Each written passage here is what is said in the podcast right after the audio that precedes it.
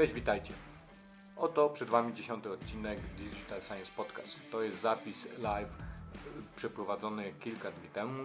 Rozmawiałem z Patrycją Walenci, więc jeżeli macie dwie godziny wolnego lub 4 razy pół godziny lub 8 razy ileś tam minut, to zapraszam do odsłuchania.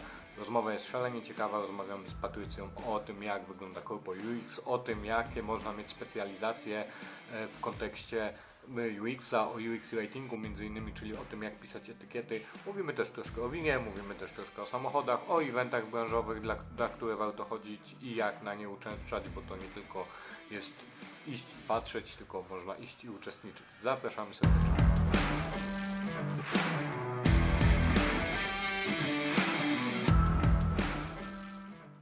Jesteśmy od 5 sekund live.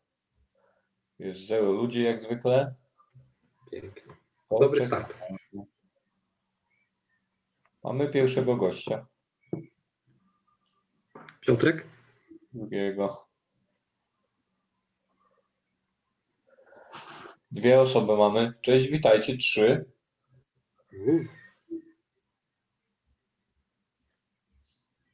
No, leci, słuchajcie, leci. E, słuchajcie, dajcie znać, czy nas dobrze słychać, czy nas dobrze widać.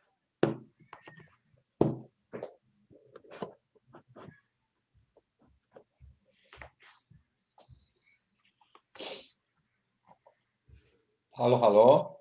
Czy ktoś nas słyszy? Ktoś nas widzi? Ja wejdę na, na telefonie, zrobię sztuczny tłum. O, nawet lajka zabraliśmy.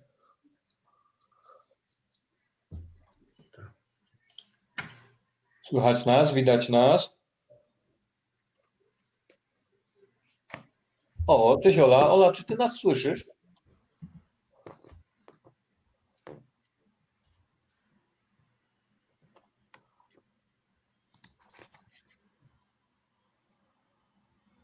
Cześć. Halo Ola, czy nas słychać?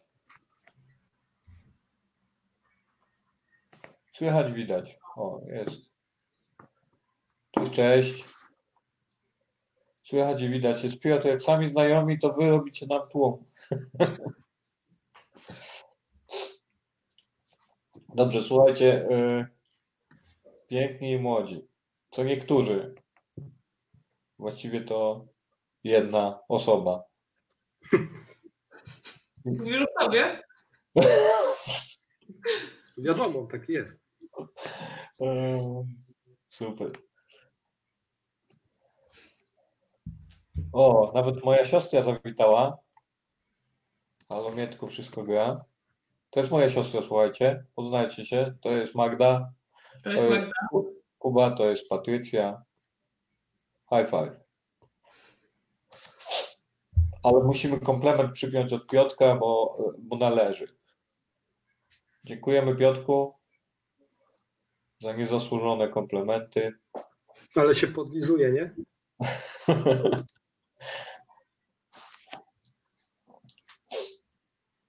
Dobrze, Tak. słuchaj, Nie tu u was. 12 osób. Może się coś jeszcze e, poprawi, jeżeli nie będziemy mówić dla 12 osób. Niestety dla nas skończyła się przymusowa izolacja. E, Skończyła się przymusowa izolacja, skończyło się, dużo rzeczy się skończyło, skończyło i dużo rzeczy się jednocześnie zaczęło, więc e, tłumaczmy sobie, że dlatego mamy taką frekwencję, ponieważ jest nas mniej. 13. Będzie dobrze, dopiero 3 minuty live'a. Trzy minuty live'a. Ja myślę, że tak, że my możemy niezobowiązująco porozmawiać sobie o tym, czy jeździcie tramwajami w maskach, albo czy w ogóle jeździcie w maskach. E, albo czy w ogóle jeździcie. e, I tak pięć po, myślę, może, może zobaczymy, jak tutaj sytuacja się rozwinie. Pięć po będziemy się witać i przedstawiać. Tak? To jak tam jest po tym, e, po, po popuszczeniu wo- wodzy przez, e, przez rząd?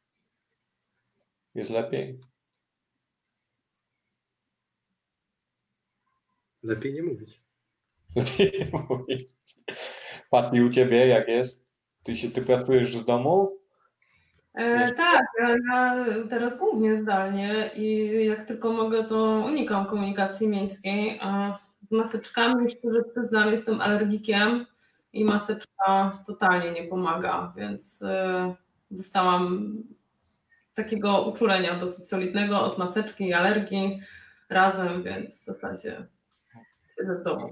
Że rower rządzi, pewnie ucieka przed wirusami na rowerze.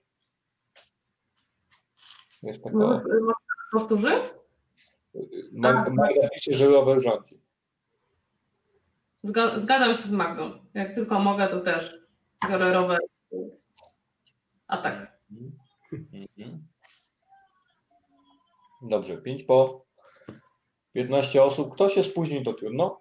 E, więc tak, słuchajcie, witajcie w naszym e, kolejnym programie na żywo. Tytuł nosi e, ten program Jak pisać etykiety i pies chleb, czyli Corpo UX w, o robieniu produktów cyfrowych na Titanicu. To się oczywiście odnosi wszystko do tego, że Patrycja pracuje w Orange, a jak wiemy Orange to jest chyba największy w tej chwili telekom w Polsce, więc pracuje tam ile? Podejrzewam, że w centrali ze 3000, co? Ludzi.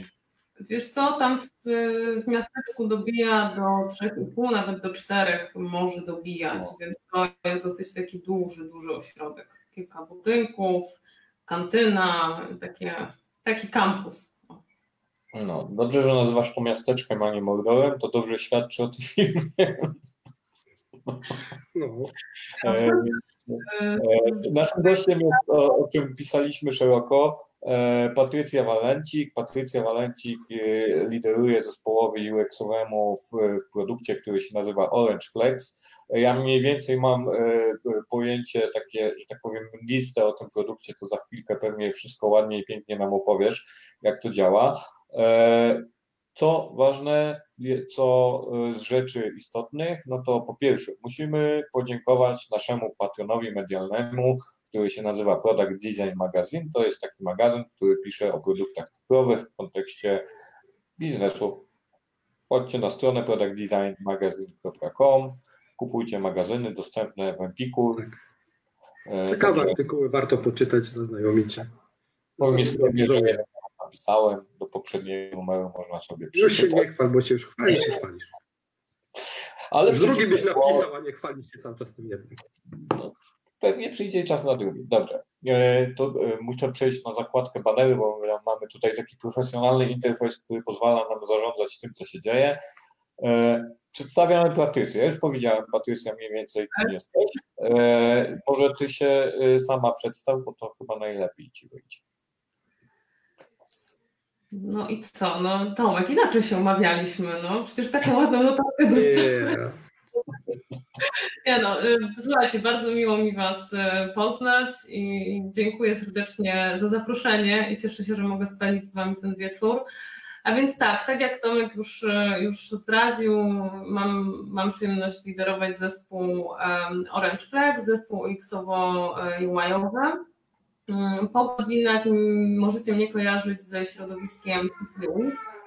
E, Mam przyjemność wspólnie z Martą Jęcarek e, rozwijać tutaj tą społeczność. E, Gdzieś tam w locie też można mnie spotkać na uczelni, bo współpracuję z SWPS-em. No a w wolnym czasie to uwielbiam złapać kierownicę i skoczyć na długą prostą, albo jak Tomek napisał w swoim clickbaitowym tytule, upiec chleb lub napić się wina. Więc to, wiesz skąd ten chleb się wziął? Bo kiedyś widziałem stories, gdzie publikowałaś, że pieczesz swój pierwszy chleb i to stories chyba miało 100 minut i 47 e, tam karteczek, e, więc mówię, ten chleb musiał być bardzo ważny dla ciebie, to o nim napisz. ale, ale to nie był pierwszy. Znaczy, jeśli jesteście zainteresowani tym, jak, jak zrobić chleb, to ja odsyłam do mojego e, profilu na Instagramie, on tam jest zapisany i krok po kroku, tak, e, od zakwasu, e, przez zaczyn, po ciasto właściwe, kilka godzin później jest pyszny chleb. To tak w skrócie. Spoko. To Patrycję przedstawiliśmy, to teraz Patrycja, jak już zaczęłaś mówić o chlebie, e, to musisz powiedzieć o pieczonym, gotowanym, pi- pitym i o samochodach tych więcej. To jest twoje 5 minut. To jest moje 5 minut, dobrze. Ale Tomku, nie wiem, chciałbyś się nauczyć robić chleb, czy, yy, czy jak? Wiesz co, jeżeli o mnie chodzi, to z pieczenia najlepiej mi wychodzi zakalec, więc jeżeli mówimy o zakalcach, to jasne. Yy, Nie wiem, Kuba, a tu u Ciebie jak pieczenie? U mnie pieczenie nie. Nie wchodzi w grę. No to musisz powiedzieć coś więcej, Pati. Yy, No dobrze, no jakby kilka lat temu sobie wymyśliłam, że, że spróbuję podjąć się tego wyzwania yy, i zrobię swój własny domowy chleb. Mm, Więc nie jest to temat, yy, nie jest to temat trudny, jak się okazało. E, Kupiłam sobie taką całkiem fajną książkę, Domowa piekarnia. No i tam było krok po kroku, jak w zasadzie to zrobić. Więc najpierw e, pierwsze pięć dni poświęciłam temu, żeby zrobić w ogóle zakwas. Mm, Jak ten zakwas się zrobiło, no to można wtedy przystąpić do swojego pierwszego wypieku. E, Chleb już piekę mniej więcej od pięciu lat. Oczywiście mam tonę zakalców za sobą. Mm, Też byłam na świetnym e, warsztacie o pieczeniu chleba, e, żeby złapać jakieś tam dobre wskazówki sugestie. Więc gdyby ktoś był zainteresowany w ogóle tym tematem, e, to odsyłam do Cook Up Studio. Mają bardzo fajne zajęcia właśnie z pieczenia chleba. No To- i Czekaj, czekaj, ale ustalmy. Yy, Byłaś na zajęciach i zapłaciłaś ludziom pieniądze, żeby Cię nauczyli robić chleb. e, między innymi też, tak. Też byłam na takim Chleba. chciałem, żeby to wybrzmiało. A masz już piec do pieczenia chleba? Czy w piekarniku? Nie, nie mam, nie mam, ale mam, e, mam koszyczki takie do, do garowania chleba, mam specjalne foremki, więc strasznie się wkręciłam właśnie w wyrabianie i, i tworzenie chleba takiego domowego. I mam swój e, ostatni sukces, no bo w trakcie, e, w trakcie COVID-u właśnie wyniosłam się na Śląsk do mojego domu rodzinnego, gdzie również zachęciłam moich rodziców do tego, żeby ich w ogóle tego nauczyć, tak? Więc teraz e, z sukcesem mój tata również, e, również się wkręcił i piecze domowe chleby, więc to jest taki mój, mój osobisty sukces, że mi się udało też przekonać rodzinę. Piekarnia Walencik już niedługo. No wiesz, szykuję się do tej emerytury powoli, no nie? To, nie, nie ukrywam, że fajnie by było kiedyś mieć taką swoją, marzy mi się mm, posiadanie takiej swojej e, śniadaniowni, właśnie z domowymi wypiekami, z przepyszną kawą i z dobrym prosecco, tak, do, do śniadania. Więc mam gdzieś jakieś takie szalone pomysły w głowie. Strasznie trudny biznes. Piotr Zielka pisze, że właśnie ro- robi zaczyn na dwa chlebki przed nożykiem. Właśnie, a to też robisz tak, że ten zakwas robisz i ten twój zakwas gdzieś tam dojrzewa w kącie koło kaloryfera, czy też tak, to już jest taki pełny proces, po, od, począwszy od pierwszych składników, czy kupujesz No gotowy? tak, tak. To musisz właśnie tak do, dopieszczeć, tak? Do, dokarmiasz ten zakwas, jak jest świeży, to dokarmiasz go częściej, jak już jest starszy, to można trochę rzadziej. Jak zwierzątko. Jak zwierzątko, nie? Trochę tak, no, tak. Mówisz do niego, Dobrze, łaskasz. a wino, bo napisałaś nam, że y, w zeszłym roku zdawałaś kurs najbardziej hard- hardkorowych egzaminów w SET. Musisz powiedzieć, co to jest. Być może są jacyś, y, być może są jacyś e, amatorzy wina tutaj, wśród tych 13 osób, e, więc, więc może będziesz miała z kim porozmawiać. E, No dobra, to ja może w ogóle zacznę od początku, jak to się stało wszystko, że, że ja ten set zdałam na poziomie drugim. Set to jest taka e, certyfikacja już bardziej pod somalierów. E, Jest to e, instytut e, największy na świecie, który jakby specjalizuje się w, edukowaniu o winie i też wyznacza pewnego rodzaju standardy. Mm, Więc to się zaczęło od, od, od podróży, którą gdzieś miałam przyjemność odbyć do Nowej Zelandii w ramach wakacji. I wpadłam tam właśnie w, na szlaki winne. Jakoś nie, to znaczy lubiłam pić wino, ale nie było tak, żebym się na winie znała. I, to było jakieś dwa lata temu, może dwa i pół. Mm, No i zaczęłam jeździć po tych szlakach e, z winami. I te wina mi szalenie spakowały, tak? E, ale zadałam sobie proste pytanie, y, dlaczego one mi tak smakują? I nie potrafiłam sobie udzielić wtedy jeszcze odpowiedzi. A więc jak y, wróciliśmy z tych naszych wakacji, no to szybko znalazłam sobie y, taki kurs podstawowy o winie. mm, około 30 godzinne. I to były takie podstawy wina, gdzie byłam w stanie złapać już powiedzmy mniej więcej co i jak, jakimi prawami się to wino rządzi i dlaczego, dlaczego akurat te nowozelandzkie wina mi tak smakowały. No i potem przyszedł ten drugi etap. W zasadzie ja tego nie, nie, nawet nie planowałam, bo, bo to był prezent urodzinowy. Dostałam właśnie zaproszenie na, na ten kurs wsetowski na poziomie drugim. Trzeba mieć było... zaproszenie na to? E, wiesz co, ja akurat e, dostałam to w formie zaproszenia, tak? Jakby to był mój prezent, dostałam to w formie zaproszenia. To, jest, e, to była bardzo mała grupa, 16 osób, pod okiem Andrzeja Strzelczyka, którego tutaj serdecznie pozdrawiam.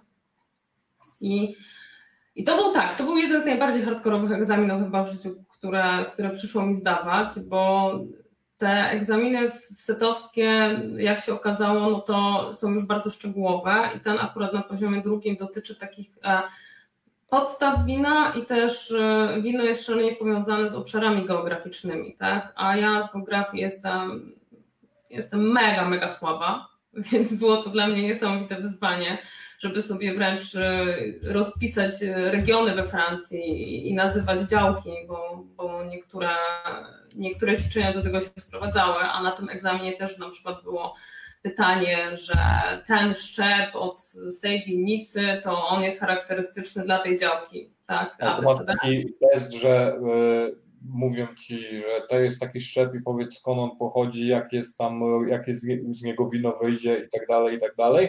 Czy masz mhm. spróbować? Tak, tak, tak, jaka, mm, jaka jest charakterystyka tego szczepu, natomiast na tym poziomie drugim e, nie ma tego elementu degustacji. My na tym kursie y, oczywiście degustowaliśmy i to była taka degustacja w ciemno, że to wino było rozlewane z, z butelek, które miały zasłoniętą etykietę.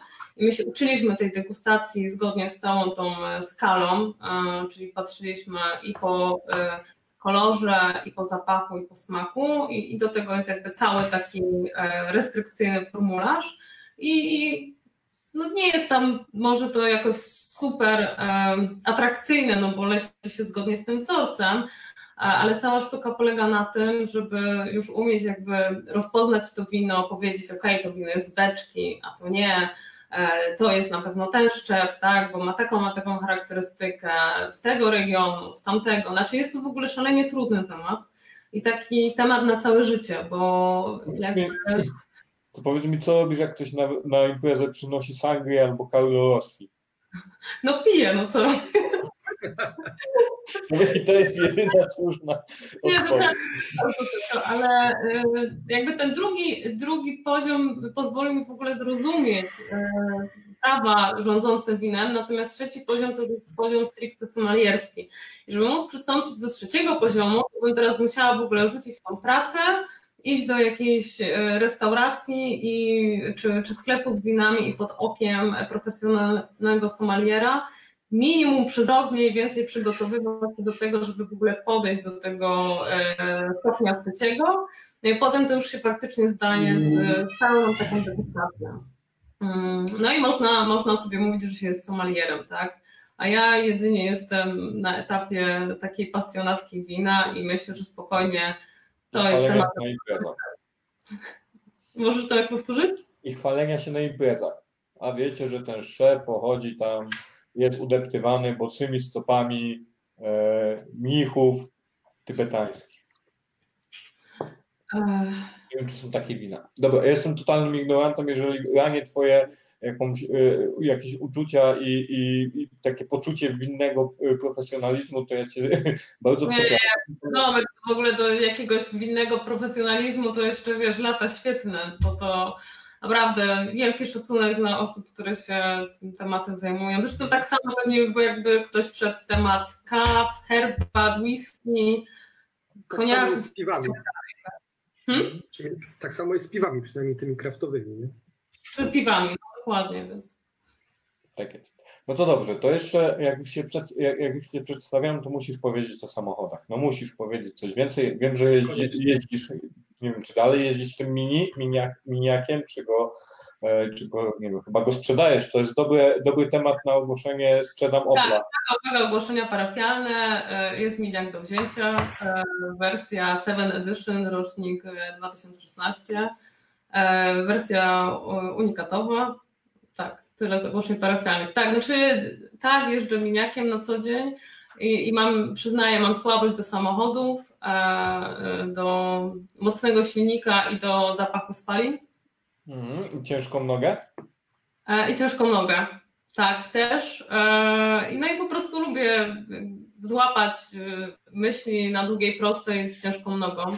Nie ukrywam. Ale to też jest temat, który, który gdzieś tam rozwijam i się w tym szkole, bo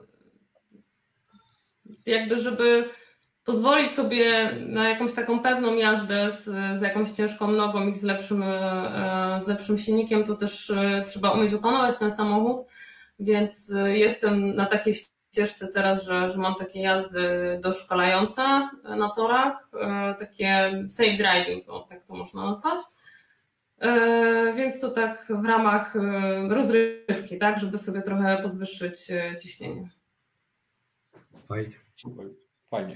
E, no to dobrze, to przechodzimy teraz do meritum naszego programu. Na początku ja chciałem porozmawiać z Tobą e, o eventach branżowych w Polsce, jako e, współzałożycielka TPUX, takich wędrownych, lokalnych spotkań, meetupów to się mówi, tak? Z, z, z produktem cyfrowym. Mm, no to, to pewnie masz jakąś opinię ciekawą na ten temat. E, może, po, możesz powiedzieć o Tipi trochę, możesz powiedzieć, co ci pewnie dało, bo tam pewnie e, mnóstwo rzeczy my po sobie wiemy z Kubą, że jakby ten, e, ta adrenalina przy organizowaniu eventów wszelkiego rodzaju, domykaniu tego jest kosztowna, to jest jedna rzecz, ale, ale też daje fajny, fajny dreszczyk, fajne, fajne, fajne doznania. Mm, coś o Tipi. No, Tipi już już nie 4 lata. E, no i kiedy z dziewczynami to zaczynałyśmy, no to nawet nam się nie śniło, że to urośnie w taki sposób, jak urosło, bo tam w kluczowym momencie e, byliśmy w ośmiu miastach e, w Polsce. Mm, zaczynało się od, od pierwszego spotkania zorganizowanego przez Martę Mielcarek w tym mieście.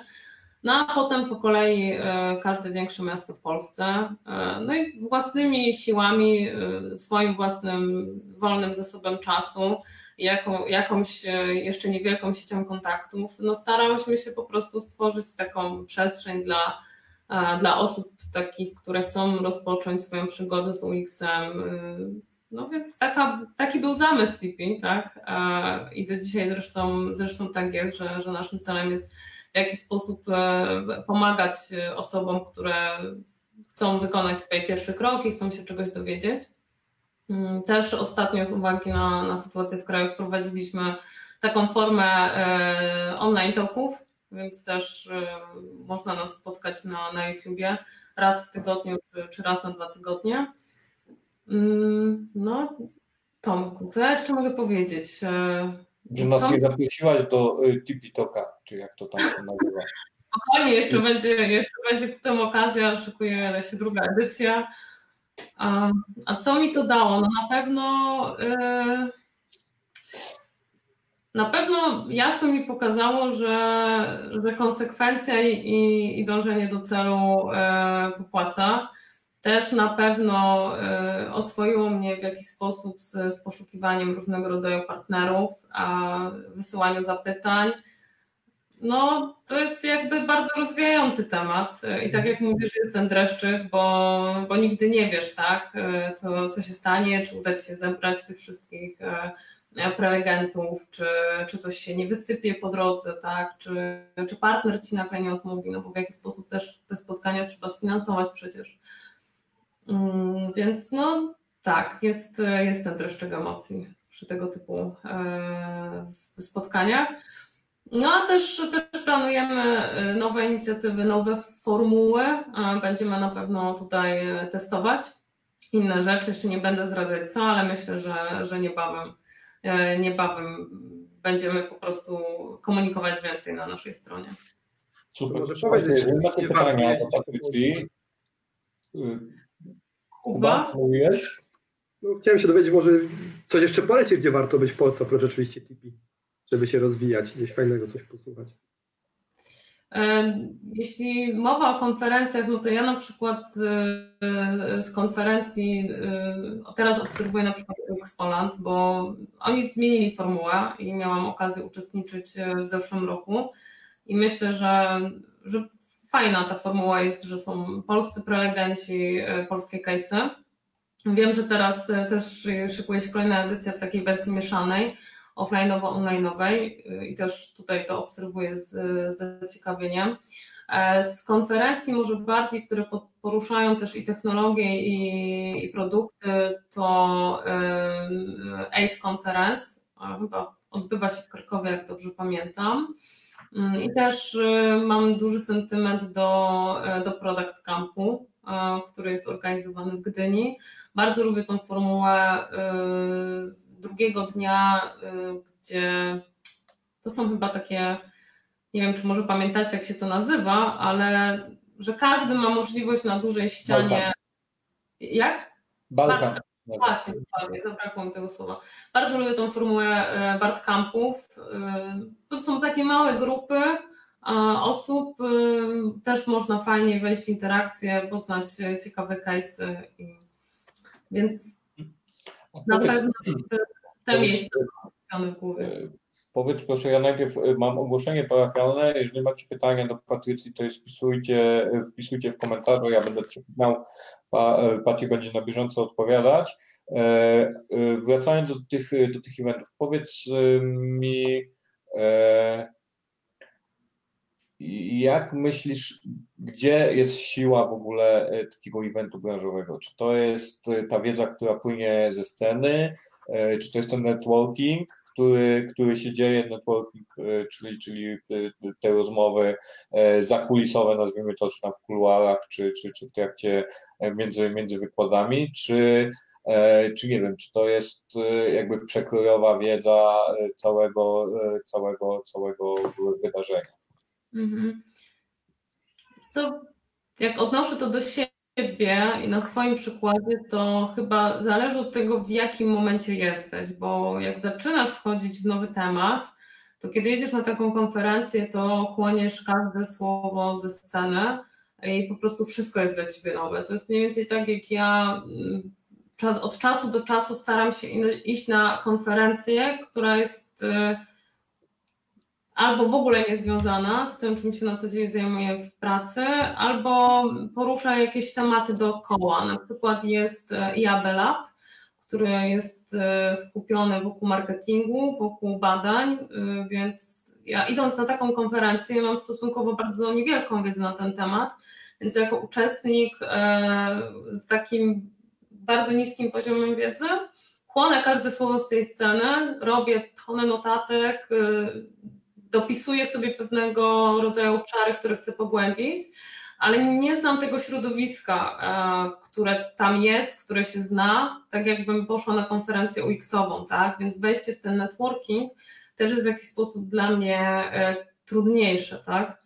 Jeśli idę na jakąś konferencję, gdzie już ten temat w miarę dobrze ogarniam, e, no to te prelekcje bardzo często są pewnego rodzaju inspiracją, no a siłą jest z kolei ten networking, tak? gdzie, gdzie znamy się, czy to z jakichś grup internetowych, e, jest szansa się poznać po prostu tak face to face. Więc raczej bym powiedziała, że to chyba jest uzależnione od tego, w jakim momencie jesteś. A jesteś typem słuchacza, czy e, typem e, uczestnika eventu, który, uczestniczki eventu, przepraszam, która e, zapisuje się na wszystkie warsztaty i chce organoleptycznie jakby dotknąć pewnych zagadnień? Znaczy nie, nie byłabym w stanie chyba się na wszystkie zapisać, bo one zazwyczaj trwają równolegle, ale no, staram się, no, ale... staram się tak, być bardziej tym typem e, aktywnym i staram się wynieść z tego najwięcej jak tylko mogę, bo no, to jest też inwestycja mojego czasu, więc jak już jestem w danym miejscu i wycinam te dwa czy trzy dni ze swojego życia, to staram się, żeby te dni były jak najlepiej spożytkowane. Mm, I to, co sobie zafundowałam w, w zeszłym roku, to też był wyjazd do Berlina na konferencję y, UX-owo-motoryzacyjną. Więc siadłam, wsiadłam w pociąg, pojechałam do Berlina. To była konferencja trzydniowa. No i mówię, patrzę na, na tą rozpiskę, no jest to konferencja UX-owa w branży automotive. Więc wyskoczyłam sobie tam w trampeczkach, jakimś kombinezonie, wchodzę do środka. Konferencja w ogóle była w pięciogwiazdkowym hotelu i pierwsze, co mnie uderzyło, to panowie w garniturach, po średnia wieku 40-50 lat. No i po prostu wyglądałam tak, bo akurat miałam taki zielony kombinezon jak taki kiwi, tak, pomiędzy tym błękitem. Mm, to, że dru drugiego dnia finalnie przyjechali tam jacyś ci designerzy, ale y, było to dla mnie mocno uderzające, jak ta konferencja jest różna od tych, na których dotychczasowo byłam, ale też szalenie odświeżające, bo no ja jakby pasjonuję się tą branżą motoryzacyjną mm, i możliwość porozmawiania na przykład z, z projektantami z nie wiem, Singapuru dla, dla BMW, czy, czy dziewczyną, która pracowała dla Maserati, tak, i, i dowiedzenia się w ogóle, jak u nich wygląda proces projektowy, wow, mega inspirujące, mega odświeżające i coś zupełnie nowego, więc ja każdemu polecam po prostu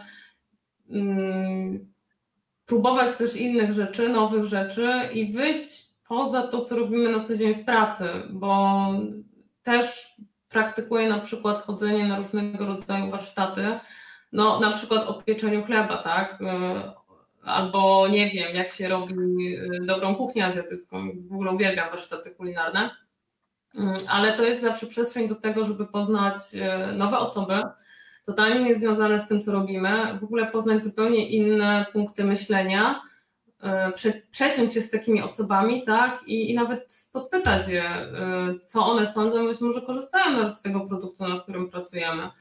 Więc e, dla mnie każde wejście w, w temat, który nie jest jakby na co dzień związany z tym, co robię, jest bardzo odświeżające. I się rozgadałam. Ileś tam rzeczy na raz. Nie wiem, jak ty znajdujesz na to czas. Ma słabo cię słychać, musisz mówię, że tak słucham, że chodzisz na warsztaty różne, na ileś tam i tyle rzeczy. Nie wiem, jak ty czas na to znajdujesz. E, znaczy tu podziękowania dla mojej mamy, która e, jak byłam dzieciakiem e, stwierdziła, że widzi mnie w szkole muzycznej. Więc od dziecka zaszczepiła we mnie organizację czasu i i przyzwyczaiła mnie do tego, że ja muszę mieć po prostu od rana do wieczora wypełniony czas, bo nauczyłam się tego, że no wstawałam rano, szłam do szkoły, po szkole wsiadałam w autobus, e, jechałam do szkoły muzycznej, wracałam o 21, uczyłam się w autobusie, wstawałam rano i tak cały tydzień wyglądał. Mhm. A, na jakim instrumencie grasz? Na żadnym. Znaczy szkoła, e, szkoła muzyczna to jest wartość dodana. E, grałam na, e, grałam na gitarze, której serdecznie nienawidziłam. Przygoda się zaczęła wcześniej, bo, bo na początku grałam na pianinie i to były takie lekcje, coś ala raz w tygodniu.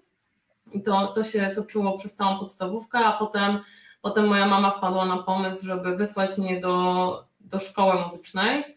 I to była chyba tak z perspektywy czasu większa moja porażka życiowa, która, z której bardzo dużo wyniosłam, bo finał był taki, słuchajcie, miałam szkołę czteroletnią, mm, tak zwaną klasę młodzieżową, bo szkoła muzyczna dzieli się na dwie klasy, na klasę dziecięcą i wtedy jest cykl sześcioletni, albo klasę młodzieżową i wtedy jest czteroletni. Ja strasznie chciałam grać na pianinie, bo, bo bardzo lubię ten instrument, ale powiedzieli mi w szkole muzycznej, że jestem za stara, bo przekroczyłam magiczny próg lat 12.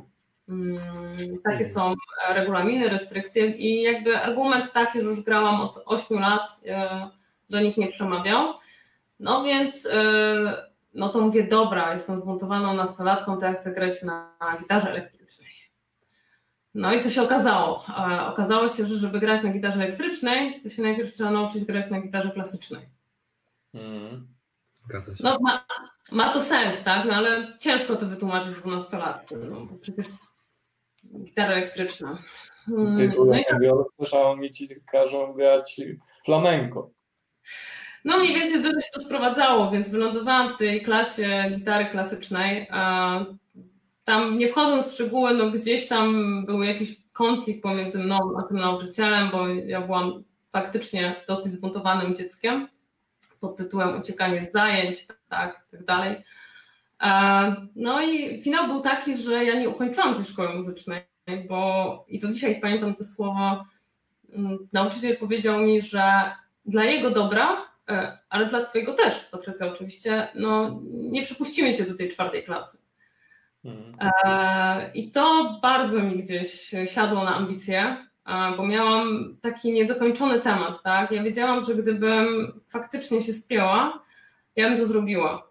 Mm, ale no, na pewno dużo mnie to nauczyło.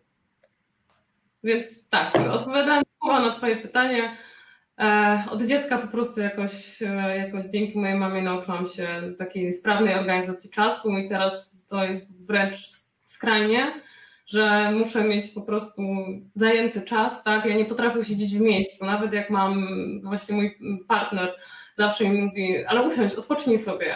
To ja nie, ja muszę zrobić, nie wiem, jakieś ciasto w kuchni, tak, albo nie wiem, chociaż posprzątać, muszę czymś zająć ręce, tak, więc mhm. trzeba mnie wręcz uziemić na kanapie. Uziemiać. Dobrze, a powiedz, jak jeszcze wrócę do, do, tych, do tych eventów, e, nie masz takiego poczucia, e, troszkę też pracujemy w branży, ale nie masz takiego poczucia, że na tych eventach są wszędzie ci sami ludzie, te same, te same twarze, które generalnie poruszają się wokół podobnych case'ów i, i właśnie trzeba jeździć albo do Berlina, albo szukać inspiracji w różnych, w różnych innych miejscach. Znaczy na pewno jest tak, że część osób e, jest znajoma na tych eventach. Na pewno też jest część e, osób zupełnie nowa. Zakładam, że gdybym, nie wiem, mieszkała teraz w Berlinie, czy w Londynie, czy w jakimkolwiek innym miejscu na świecie i chodziłabym tam na te lokalne e, społeczności i jakieś tam konferencje krajowe, to byłoby dokładnie tak samo. Ale czy, czy to źle? Jakby, że wiesz, jest tak swojsko? Znaczy, wiesz co mi przede wszystkim brakuje, e, wszyscy e, e, chwalą się takim success story. To jest super, nie? bo jak coś zrobiliśmy fajnie, e, no to fajnie się tym pochwalić, e, ale po drodze są rzeczy, które nie zawsze idą fajnie. Brakuje mi tej takiej, mm, jak się ogląda e, relacje z konferencji zagranicznych, to tam zawsze się znajdują case'y, które się wywracają po drodze, które się różnie dzieją.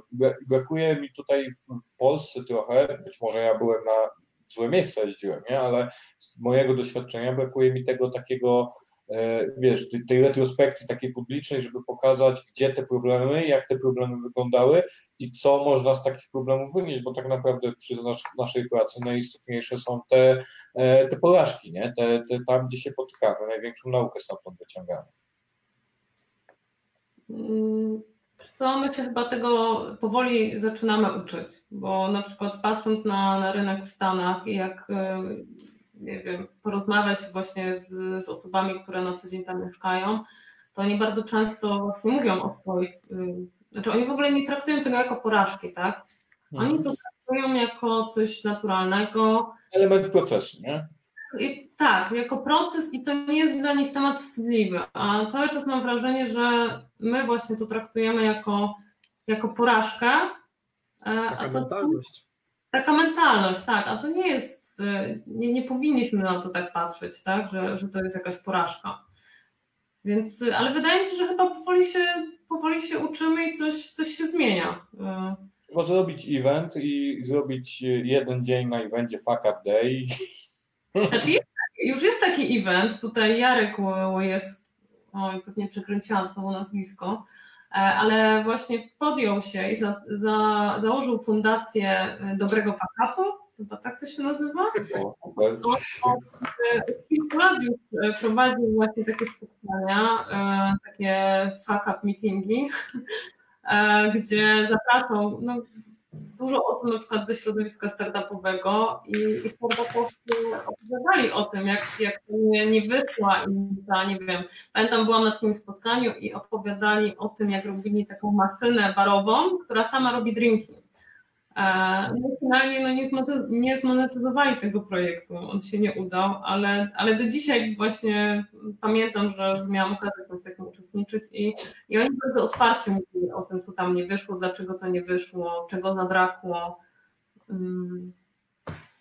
Powoli jakby to, to się dzieje.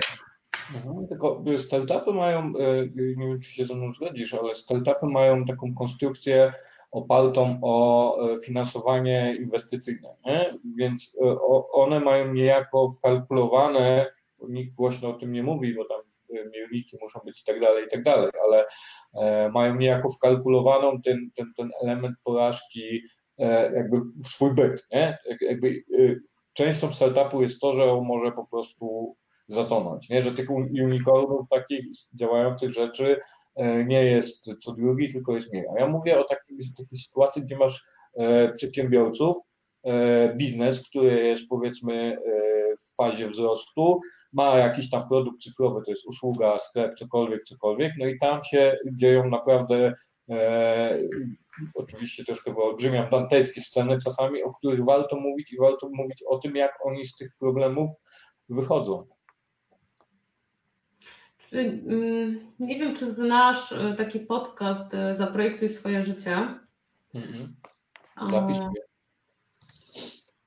Tam e, gośćmi są właśnie, nie wiem, czy to założyciele jakichś większych biznesów w Polsce, mm, czy też, nie wiem, osoby, które tworzą VC w Polsce, tak, i tak dalej, więc jakieś już tam osoby tego większego kalibru. I faktycznie, co przy, co przy po niektórych odcinkach e, są tam poruszane tematy takich powiedzmy niewypałów, tak? Czy, czy są omawiane ścieżki, dlaczego coś nie wyszło. E, hmm. Więc wydaje mi się, że wiesz co, o tym się mówi, jak, jak, jak się trochę głębiej poszuka i, i, i posprawdza może trochę inne źródła. Nie wiem, czy odnosisz teraz to też do tej naszej UX-owej, UI-owej społeczności, ale ja akurat właśnie śledzę sobie ten, ten podcast, zaprojektuj swoje życie i też bardzo lubię podcast e, Oleg Banzer. Gdzie też, tak, też są zapraszane no, bardzo przekrojowo tak, osoby od dziennikarzy, po sportowców, po mhm. osoby, które, które robią startupy i no, ja szalenie dużo z tego wynoszę. Tak? Mhm. O, Piotr, Piotr wrócił. Fuck Up Nights Wrocław. Mamy we Wrocławiu takie rzeczy. Dzięki Piotr, no ja, mi migało to... Przejechać do Wrocławia. Tak, gdzieś mi migało to, to, to y, ten, ten event na fejsie, ale jakoś widzicie, podświadomość jednak, to chyba coś w tym jest, że, że jest taka konstrukcja nasza E, polska psychiczna, że, że, że umie. No dobra, to mamy tutaj wyjaśnione. E, trzeba szukać głębiej po prostu, nie? Trzeba szukać głębiej. E, o, o tym zaczniemy. Ja Ci, Pati, poproszę na pewno, żebyś takie rzeczy nam gdzieś zebrała. W jakimś tym, jak będziemy publikować podsumowanie, podsumowanie tego live'a, tam też wszystkie rzeczy się znajdą i będziecie mogli sobie poklikać i zobaczyć o co, o co tak naprawdę chodzi. A propos e, ciekawych podcastów, e, to bardzo dobrze mi się też słucha Wojtka Hary, e, to jest marketingowiec związany z branżą automotive właśnie, mnóstwo, mnóstwo lat, lat i też zaprasza gości, no i tam no ciekawe są, są, są case'y, które oni omawiają na bieżąco, nie? te ścieżki wszystkie i to jest jest różne. No, natomiast w tej społeczności takiej UX-owej, takiej naszowej, naszej branżowej, no brakuje mi tego ewidentnie, tego posypywania głowy popiołem troszeczkę. Ba bardzo fajne, jak a propos jeszcze faktów jesteśmy, to są chyba na Discovery y, katastrofy lotnicze, gdzie oni tak naprawdę na żywym organizmie, na, na podstawie tych fakapów, no to, to usprawniają całą branżę i, i ratują ludzkie życie. I to jest super pokazane jak w tej katastrofie, katastrofie lotniczej oni są w stanie po prostu dojść całą analizą, e, ciągiem wydarzeń, jaka tam mhm. śrubka w samolocie nie zadziałała i dlaczego w ogóle ten wypadek był spowodowany. Więc te, też polecam sobie przynajmniej jeden czy dwa odcinki zobaczyć, bo, bo jest to świetnie zrealizowane i zakładam, że, że mocno wysokobudżetowy program, tak, żeby coś takiego nakręcić. Ale ogólnie programy i filmy, które pokazują, jak ludzie rozwiązują problemy lub tworzą rzeczy, E, no, są, są, są sporą wartością. Zresztą popularność tych wszystkich, wiecie, e, przerabianie samochodów na roadstery i tak dalej, tych, tych, tych, e, tej takiej inforozrywki, no to, to skądś to się bierze, nie? No, lubimy patrzeć, jak powstają fajne rzeczy, czy jak się rozwiązuje i, i pewne, pewne problemy. No ja też polecam. Ja z kolei zawsze bardzo polecam jak e, e, kursantom zawsze bardzo polecam Apollo 13. To jest fantastyczny film, który pokazuje, e, jak się rozwiązuje problem, który jest w teorii nierozwiązywalny, mając tam jakieś ograniczone zasoby i, i, i ograniczone możliwości. Nie? Mega, mega rzecz tam jest. Może się wydawać nudny, bo to prawie 3 godziny, ale, ale warto obejrzeć. Dobra, no to przejdźmy dalej. Czy Macie do Bepaty jakieś pytania? No to jak, jak nie macie, a będziecie mieli, to wpisujcie, będę przypinał. Coś y, za, za lekko tutaj, Patrycji, pytajcie ją. E, może y, kierunek korporacyjny, y, jak zaczniemy omawiać, to. E, to, to, tutaj, e, to tutaj może coś się pojawi. Patry, słuchaj, bo to jest tak. E, my się znamy troszeczkę, e, nie jakoś tam super dobrze, ale tam się znamy, poznaliśmy się przy okazji TP e, i ty pracowałaś wcześniej w Polska Press, tak? Dobrze kojarzę. Tak, no to tak. Miałam okazję jeszcze pracować w Polska Press.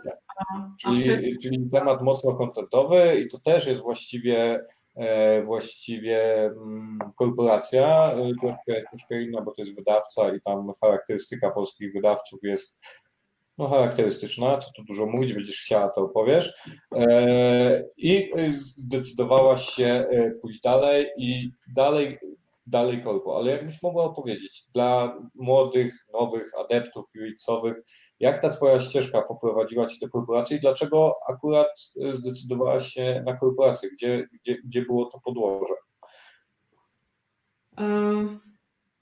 Wiesz co, wszystko zaczęło się jeszcze wcześniej, bo to zaczęło się na studiach. Mm, I jest taki program na studiach, on się nazywa Grasz o staż. Mhm. Nie wiem, czy mieliście okazję o nim słyszeć. Ja w ogóle nie wiem, czy on dalej istnieje, ale pamiętam, że musiałam pisać pracę licencjacką, jak każdy student, czy tam magisterską.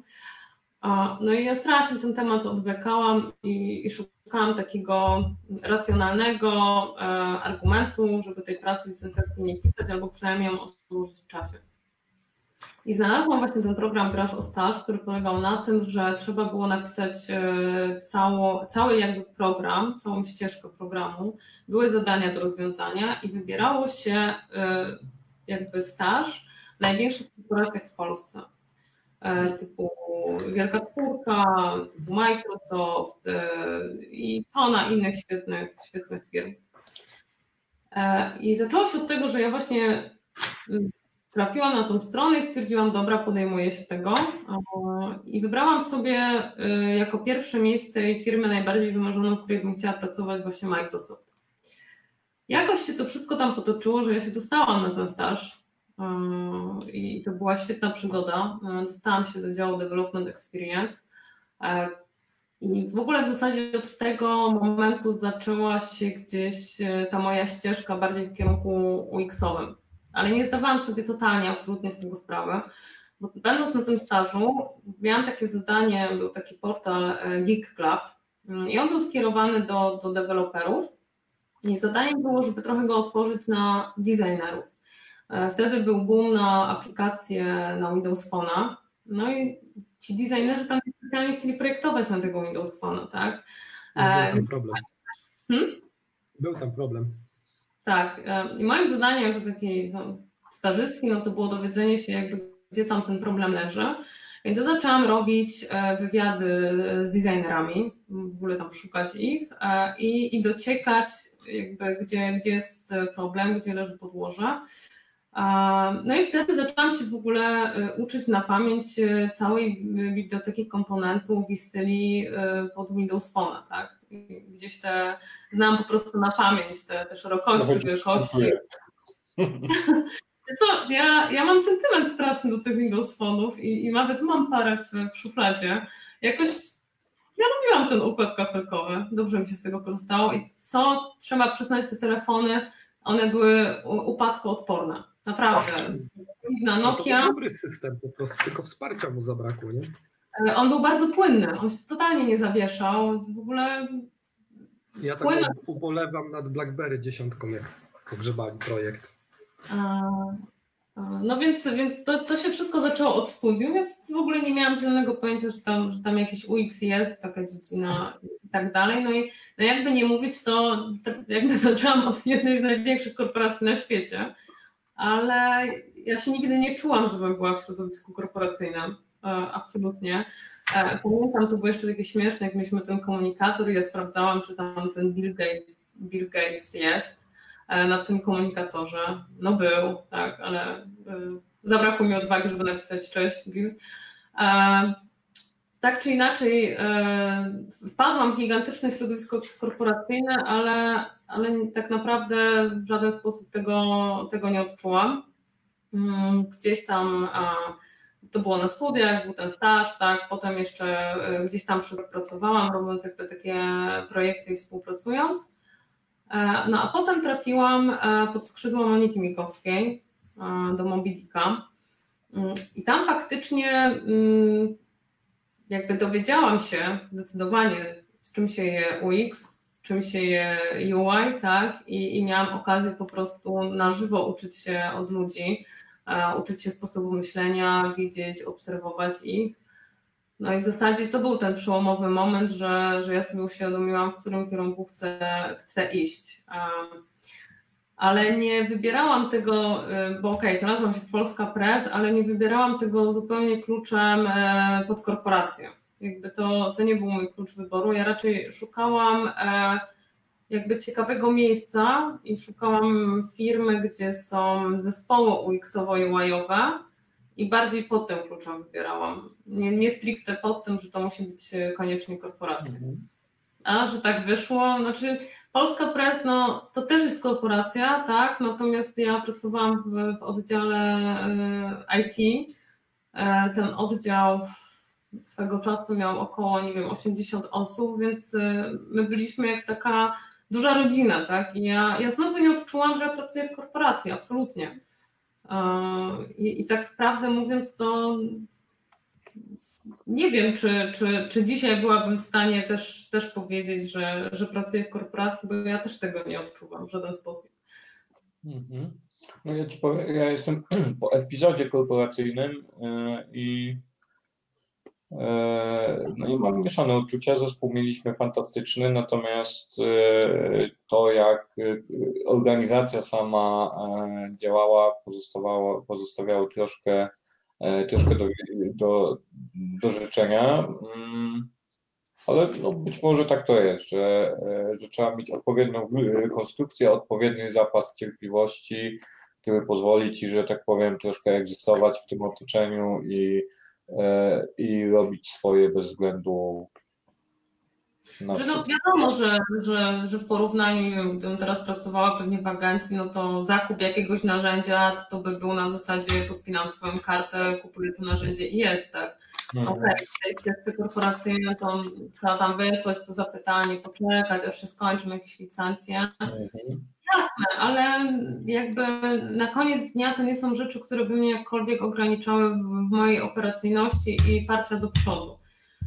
Więc może to wynika też no, po prostu jednostkowo z podejścia danej osoby, bo ja w żaden sposób nie chcę się ograniczyć tym, że są jakieś ograniczenia korporacyjne. Tak? Ja, ja mam do dowiezienia cel i to na mnie w sumie spoczywa odpowiedzialność, jak ja to dowiozę, a czy zrobię to takim narzędziem, czy innym, czy gdzieś wejdę od strony okna, czy od drzwi.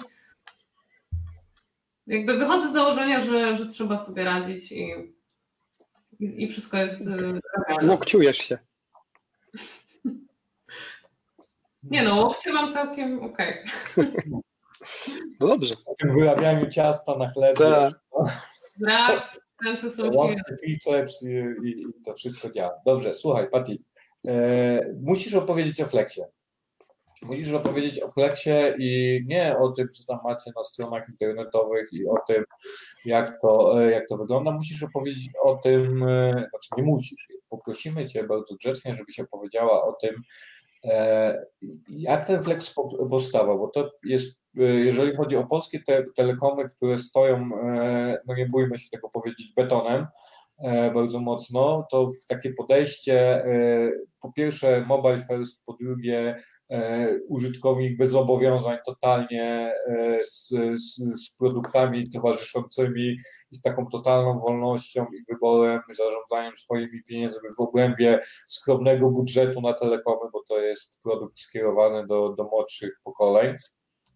No musisz o tym opowiedzieć, no, musisz, musisz rzucić na to troszkę światło. Mm, No, no dobrze, no to powiedziałeś, że, że betonem stoją. Znaczy ja nie wiem, jak jest w innych bo jak nie pracowałam.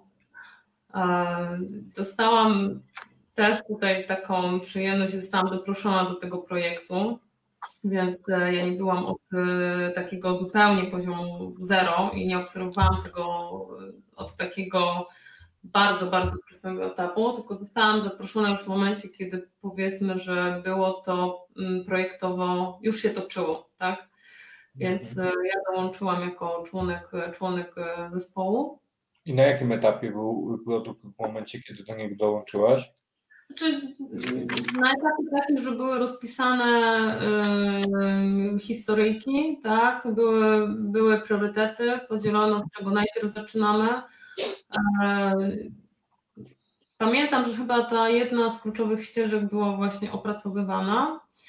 E, No ale tutaj y, trzeba trochę zacząć wcześniej, bo dlaczego to się w ogóle zadziało? E, Ktoś na etapie, na tych szczeblach e, już stricte zarządczych, po prostu jasno powiedział, że ten projekt będzie toczony i wydarzy się w zupełnie innym, innych standardach niż projekty dotychczas, więc y, tutaj od góry poszło przyzwolenie na to, że, że mamy, mamy możliwość w ogóle realizowania tego bardziej startupowo i tak też się to, tak też się to można powiedzieć toczyło, bo mm, postępowaliśmy zgodnie z, z procesem projektowym. E, Mieliśmy tonę testów z użytkownikami, e, tonę badań. Świetnie, jakby teraz e, jest dograny zespół produktowy, e, gdzie bezpośrednio współpracujemy marketing, e, deweloperzy, zespół analityczny, jakby zespół jest totalnie multidyscyplinarny. Mm, Więc tak, no ja, ja dołączyłam na etapie, kiedy, kiedy wypracowywaliśmy kluczowe ścieżki, czyli ten i proces onboardingu, aktywacji, tak, testowaliśmy go. E, No a potem, e, no nie wiem, tego tak dużo było, że nie wiem, Tomek i Kuba, co ja tu jeszcze mogę Wam, wam opowiedzieć o tym. Może macie- Było o, fuck up, było o fuck upach. Może Wam się jakieś ciekawe zdarzyły podczas projektowania, bo to dość spory system był, nie? Jest.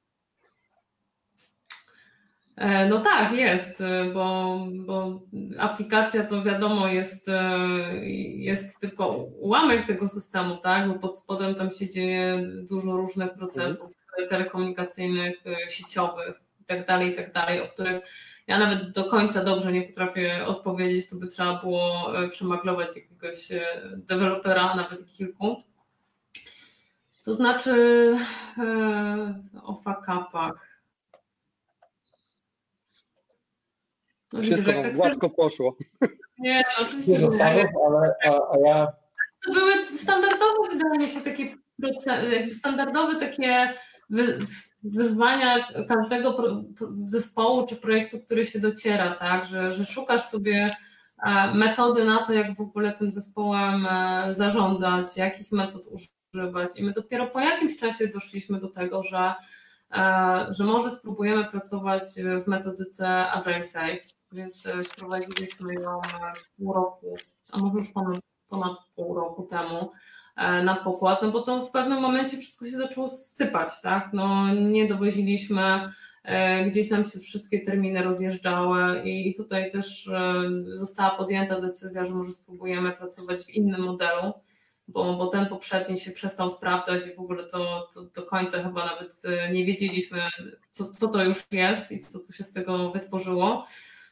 Więc to, co było fajne, to że, że mieliśmy takiego trenera, który, który przyjechał do nas. Cały zespół produktowy został, został przeszkolony, na czym tam metoda pracy polega, jak mamy sobie planować rzeczy, jak w ogóle podchodzić do tego typu tematów. No i faktycznie od, od kilku miesięcy pracujemy w Agile Safe i, i to się odpukać e, sprawdza, tak? E, I, I wszyscy odczuliśmy dużą różnicę i widzimy, że, że idziemy do przodu. No ale cały czas jakby pomimo, y, pomimo tego, że okej, okay, no już, już produkt istnieje, e, cały czas chcemy robić więcej, wytwarzamy nowe funkcje y, i zawsze, nie wiem, teraz na przykład uczymy się docierać z zespołem frontendowym i wytwarzamy sobie, próbujemy sobie wytworzyć jakieś standardy pracy, testujemy i patrzymy, ok, to nam się sprawdza, to nam się nie sprawdza. Też mamy środowisko takie, że mamy, mamy regularne retrospekcje. One są właśnie po każdym tym tak zwanym program inkremencie, który realizujemy, czyli u nas to jest 5 tygodni. E, jesteśmy bardzo otwartym zespołem. Mm, jakby jesteśmy sobie w stanie jasno powiedzieć, no, no to nie działa, spróbujmy czegoś innego, tak? Albo też, nie wiem, zawaliliśmy coś.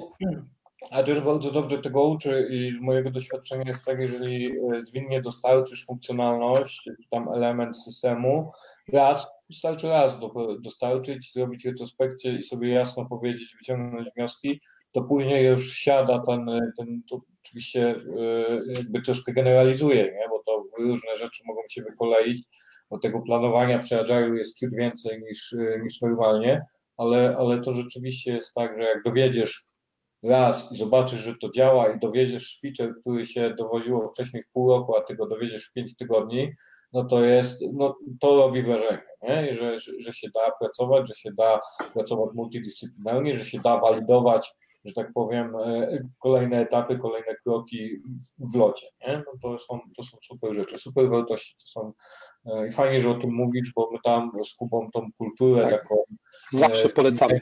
tak, zwinnego dostarczania, E, czegokolwiek. Wszystkiego. Czegokolwiek. Róbmy wszystko zwinnie, testujmy, badajmy, potykajmy się, żeby mieć jak najwięcej informacji zwrotnej, co nam nie wyszło i co możemy poprawić, więc, więc super fajnie, że o tym mówisz.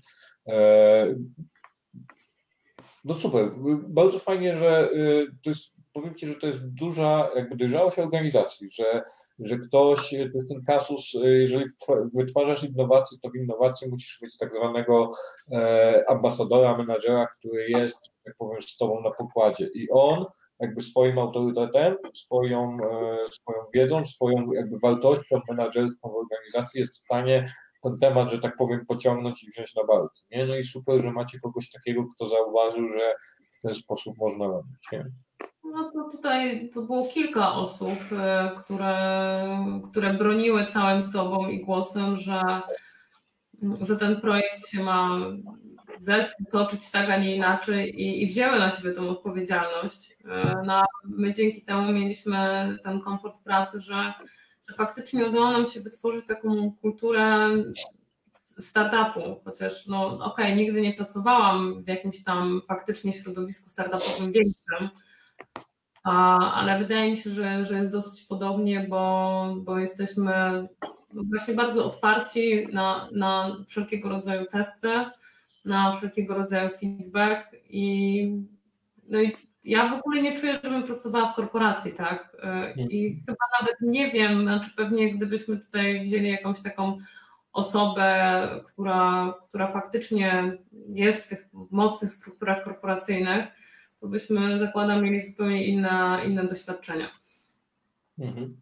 To troszkę prowokacja będzie, ale jakbyś teraz y, odpukać, zdecydowała się na zmianę, y, zmianę kierunku i trafiła w środowisko y, kaskadowe w dostarczaniu produktu. I? Wiesz co? Z tej miny zrobimy gifa. Okej, okay. znaczy jakbym trafiła w środowisko kaskadowe? Wiesz co, ja mam taki dosyć niepokorny charakter, tak mi się wydaje, i zawsze stawiałam na taką pracę u podstaw. Mm, lubię, lubię w jakiś sposób edukować ludzi, uczyć ich, pokazywać nowe rozwiązania i raczej mm, trudno mnie zrazić. Tak? Ja też pamiętam, kiedy przyszłam do Orange, to nie było tak, że od razu pracowałam mm, w Flexie. E, miałam kiedyś takie spotkanie z jakąś tam grupą osób, już nie pamiętam jaki to był produkt, no i przyszłam taka, wiecie, nazywaną energią, świeża. E, I, I tutaj po prostu robimy tak, tutaj taka propozycja, siaka propozycja. I usłyszałam, e, że żebym uważała, bo zaraz będę miała płaskie czoło. Ja jak to płaskie czoło? Ja nie do końca rozumiem. A ta pani mówi, no, o, o uderzenie głową w mur, bo my widzimy, że ty bardzo chcesz, ale to się nie uda tutaj. To jakby jedziemy tym starym procesem, no nie? Dobrze, jak sobie z tym radziłeś? Bo mnie to bardzo interesuje. Mnie też to strasznie frustrowało, że przychodziło się na spotkania i mimo, że ludzie, którzy tam pracują, e, jakby w każdej organizacji są specjaliści, którzy są dobrzy w swojej robocie, bo ludzie umowmy, są, umowmy się, chcą dobrze wykonywać swoją pracę, nie? E, jest, jest, jest generalnie taka tendencja, znaczy tendencja, to jest fakt, nie? Ludzie dobrze wykonują swoją pracę, jeżeli pracują na danym stanowisku 8, 10 lat, 6 lat, no to, to wiedzą o firmie dużo, wiedzą o tej pracy, o tej dziedzinie i tak dalej, i tak dalej, i tak dalej, być może brakuje też perspektywy, percepcji whatever. E, ale e, rzeczywiście, jak się przychodziło na spotkania, siadało się na spotkaniu, wszyscy e, rozmawialiśmy i z tego spotkania wychodziliśmy bez wniosków, bez rozpisanych zadań, bez jakichś tam, były jakieś takie ogólne rzeczy, które się za chwilę, za chwilę rozmywały. I ja zauważyłem w sobie taką tendencję, że jakby bardzo dobrze się to przyswaja. Znaczy, wiesz, że bardzo dobrze ta, ta, ta rozmyta odpowiedzialność gdzieś funkcjonuje e, w codziennym życiu. No tutaj mam jakiś projekt się zaczął, coś tam się wydarzyło, to sobie niech żyje, zobaczymy co z tego będzie, może ktoś się upomni. To jest oczywiście uproszczenie, nie? ale no jest, jest jakaś taka tendencja, która e, mhm.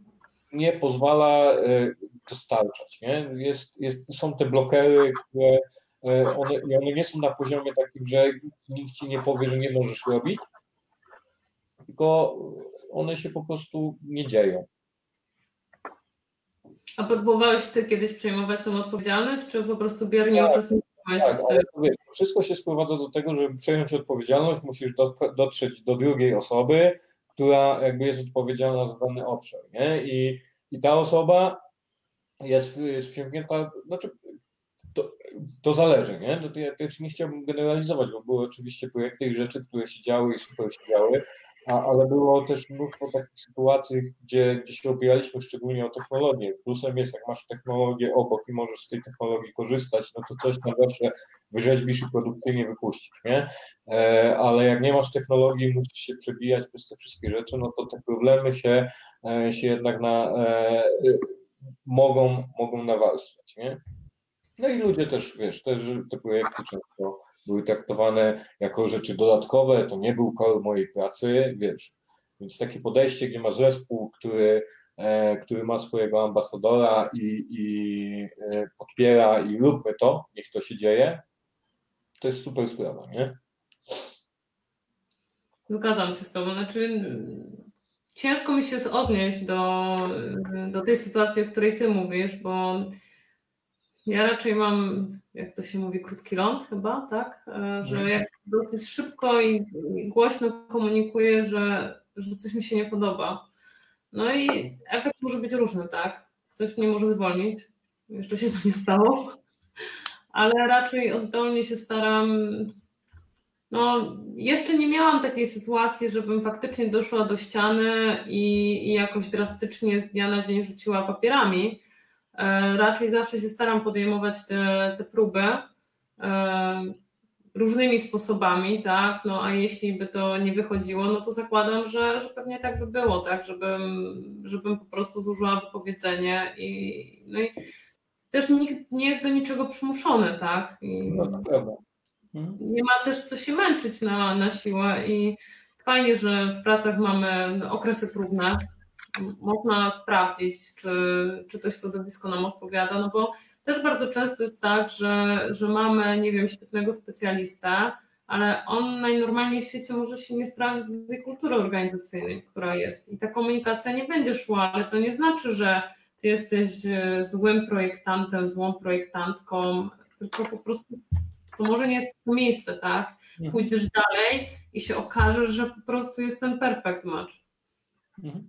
I to jest bardzo ważna rzecz, którą powiedziałaś teraz, bo w kontekście jakby rozpoczynania E, kariery, czy budowania jakiejś ścieżki kariery sobie, żeby e, właśnie, no to są te porażki, nie? To jest ta informacja zwrotna i zdanie sobie sprawy, że może nie ten, nie droga, że może w innym miejscu. Nie? Jedni mogą się nadawać do pracy korporacyjnej, inni się mogą nadawać do pracy agencyjnej, która też ma swoją specyfikę, taką mocno, nazwijmy to, dynamiczną, a inni najlepiej się sprawdzają w produkcie, gdzie mogą rozwijać sobie bardzo fajnie e, pewne rzeczy. No i dobrze, i tutaj płynnie, płynnie, e, płynnie e, przechodzimy do kolejnego punktu programu, który się nazywa UX Writing. Mhm. E, ten UX Writing się pojawił u nas w kontekście e, Titanica i w kontekście pisania etykiet. E, to jest dosyć młoda dziedzina, jeżeli chodzi o Polskę. UX Writing to jest pisanie treści zgodnych z czy tam przyjaznych użytkownikowi, w skrócie oczywiście, w totalnym skrócie. E, nasz marketingowiec w Smart Lunchu nazywa to microcopy, e, którym też się bardzo jara, to jest, to jest bardzo, bardzo pokrewna, e, pokrewna dziedzina, właściwie chyba ta sama. Musisz opowiedzieć o tym, jak się rekrutuje takiego specjalisty, bo ja sam jestem, ja sam jestem ciekawy, jak, jak, jak, jak wy znaleźliście takiego człowieka i jak w ogóle jak, gdzie i kiedy stwierdziliście, że jednak potrzebujemy kogoś, kto się nad, tą, nad tymi treściami bardzo mocno, e, bardzo mocno pochyli, a później mam jeszcze całe 47 pytań, bo, bo to jest bardzo, temat, który mnie bardzo interesuje. Tomek, tak e, w skrócie, no to w zeszłym roku e, z Kasią Kałwak, która jest naszą UX-writerką, popełniłyśmy taką prezentację e, na Design Wise, właśnie jak to się mhm. stało. Ja ją oglądałem nawet. Że Kasia, że Kasia dołączyła do naszego zespołu i to było tak, że jak właśnie dołączyłam do tego projektu, nie, dołączyłam jeszcze jako, jako członek zespołu, ja tego, tego zespołu X-owego nie prowadziłam. I osoba, która pełniła taką rolę, powiedzmy, projekt ownera, lidera zespołu, trochę y, pożeniła ten temat y, i taki message poszedł do korporacji, że no potrzebujemy osoby, która w jakiś sposób y, przetłumaczy nam treści z języka angielskiego na język polski.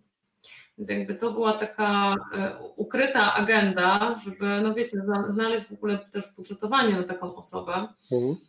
Mm, I to, z czego to wynikało? Wynikało to z tego, że mm, jakby tworząc Flexa, my mamy taki zespół e, też międzynarodowy.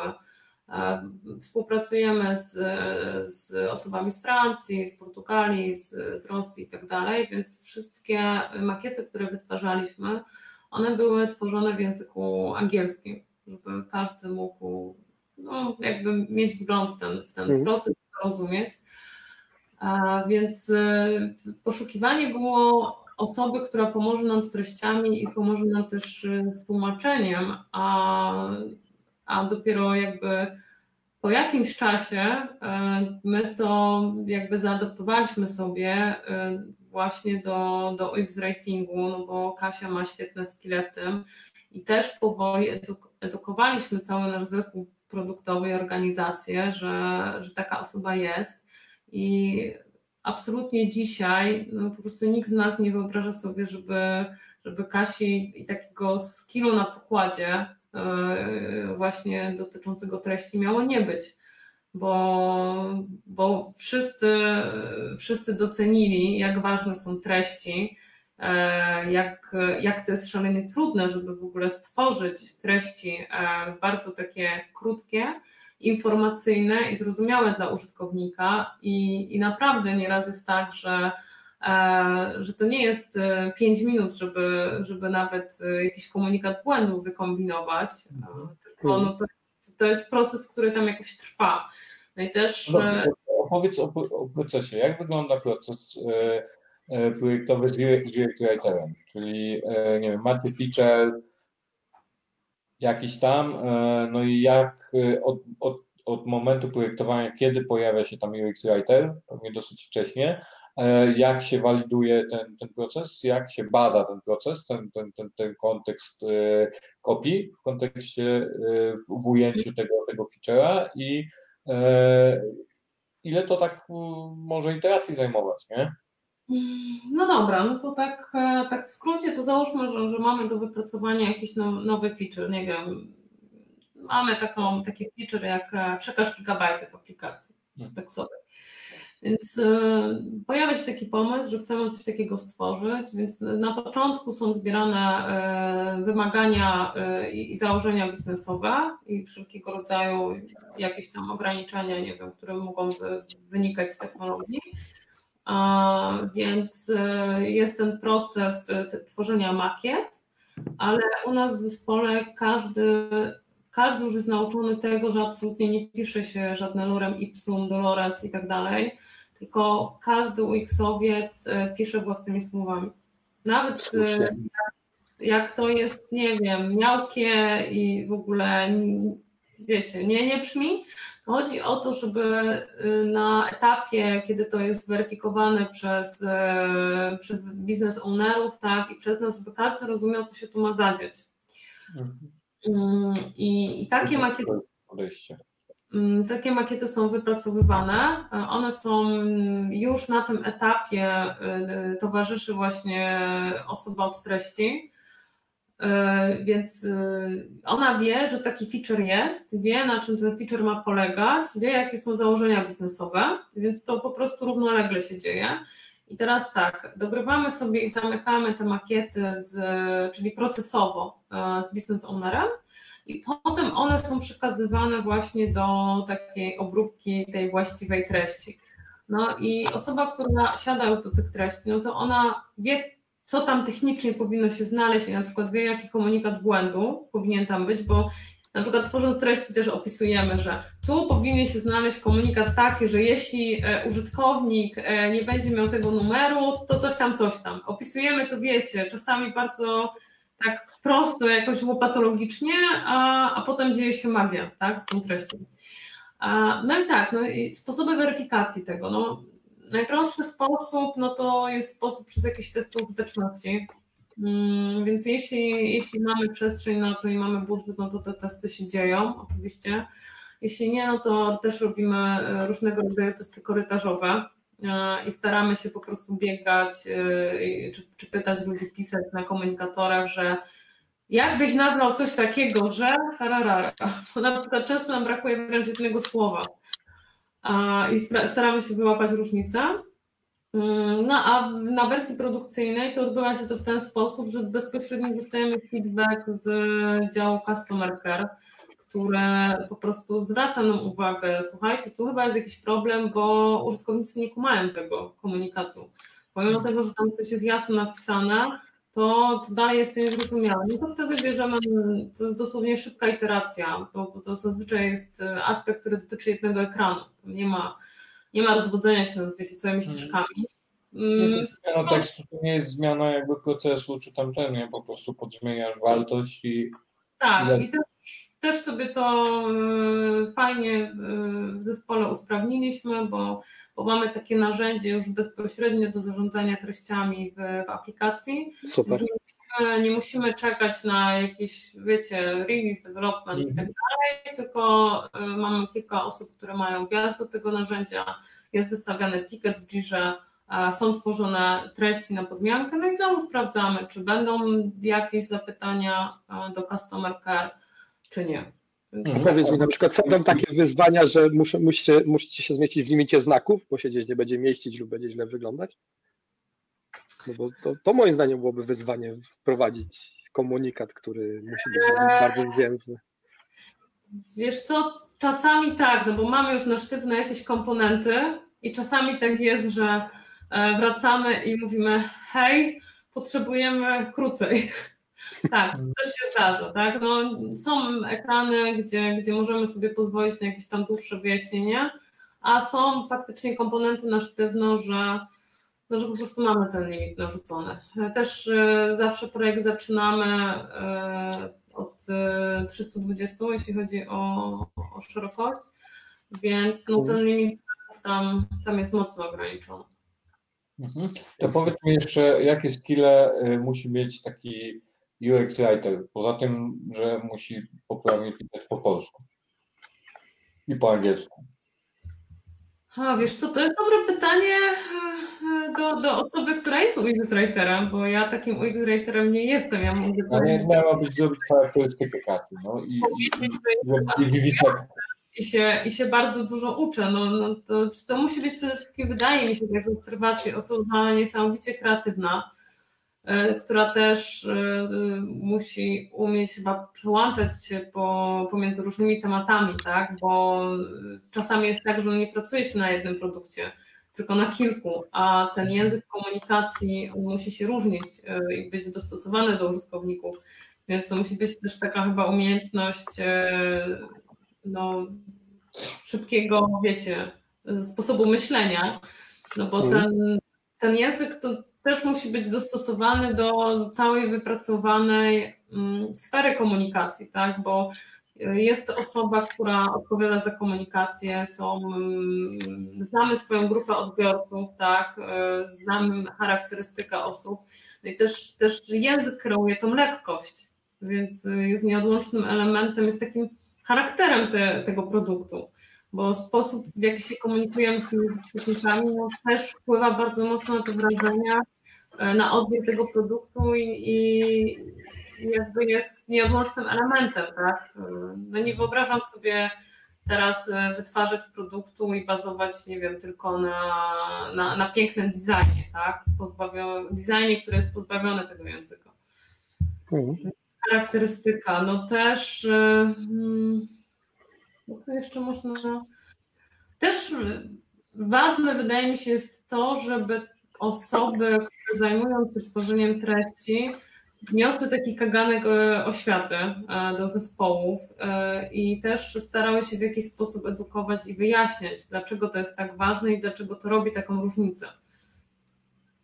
Mm, bo to jest no, w wielu zespołach i w wielu firmach to dalej jest obszar pomijany, dalej jest obszar niedoceniany i w ogóle gdzieś z, z rozmów no wiem, że jak rozmawiam z osobami z innych zespołów, no to jest myśl, że no u nas by to nie przeszło, nikt by na to, nie wiem, nie wyłożyło kasy, tak?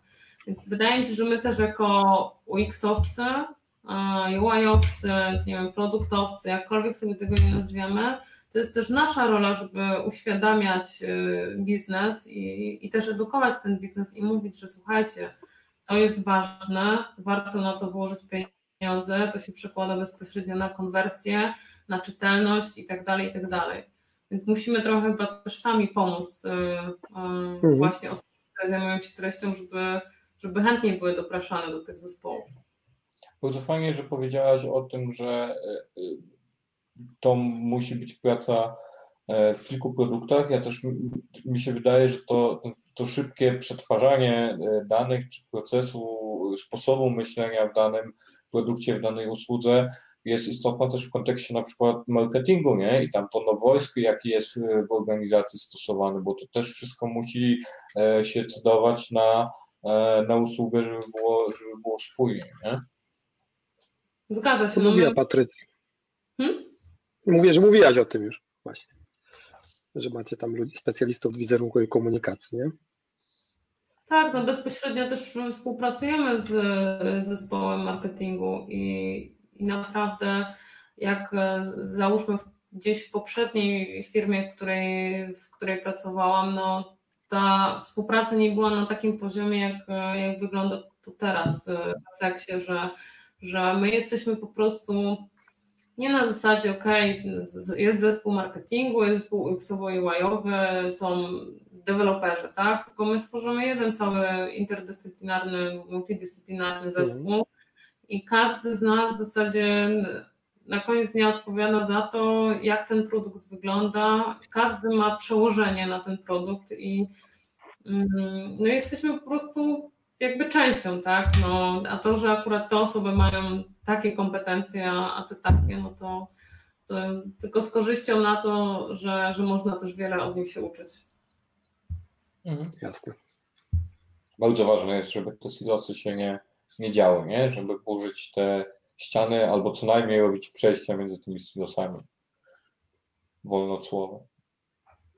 No też e, bardzo z takich już operacyjnych rzeczy, no to bardzo nam dużo w, w procesie ułatwiło to, jak e, właśnie zespół e, taki marketingowy też przeszedł na pracę na Jira i po prostu jakby dołączyliśmy ten zespół do, do naszej Jira też te osoby zaczęły e, bezpośrednio pisać taski, tak, przypisywać te, te zadania. Wypracowaliśmy sobie jedno narzędzie, e, jeden, jeden poziom komunikacji, no bo wcześniej e, to było dosyć mocno rozproszone, tak? Część jakby zadań było, gdzieś biegało po mailach, część zespołu pracowała już na Jirze i, i to też bardzo dużo dało, jak faktycznie, może to jest drobna rzecz, tak?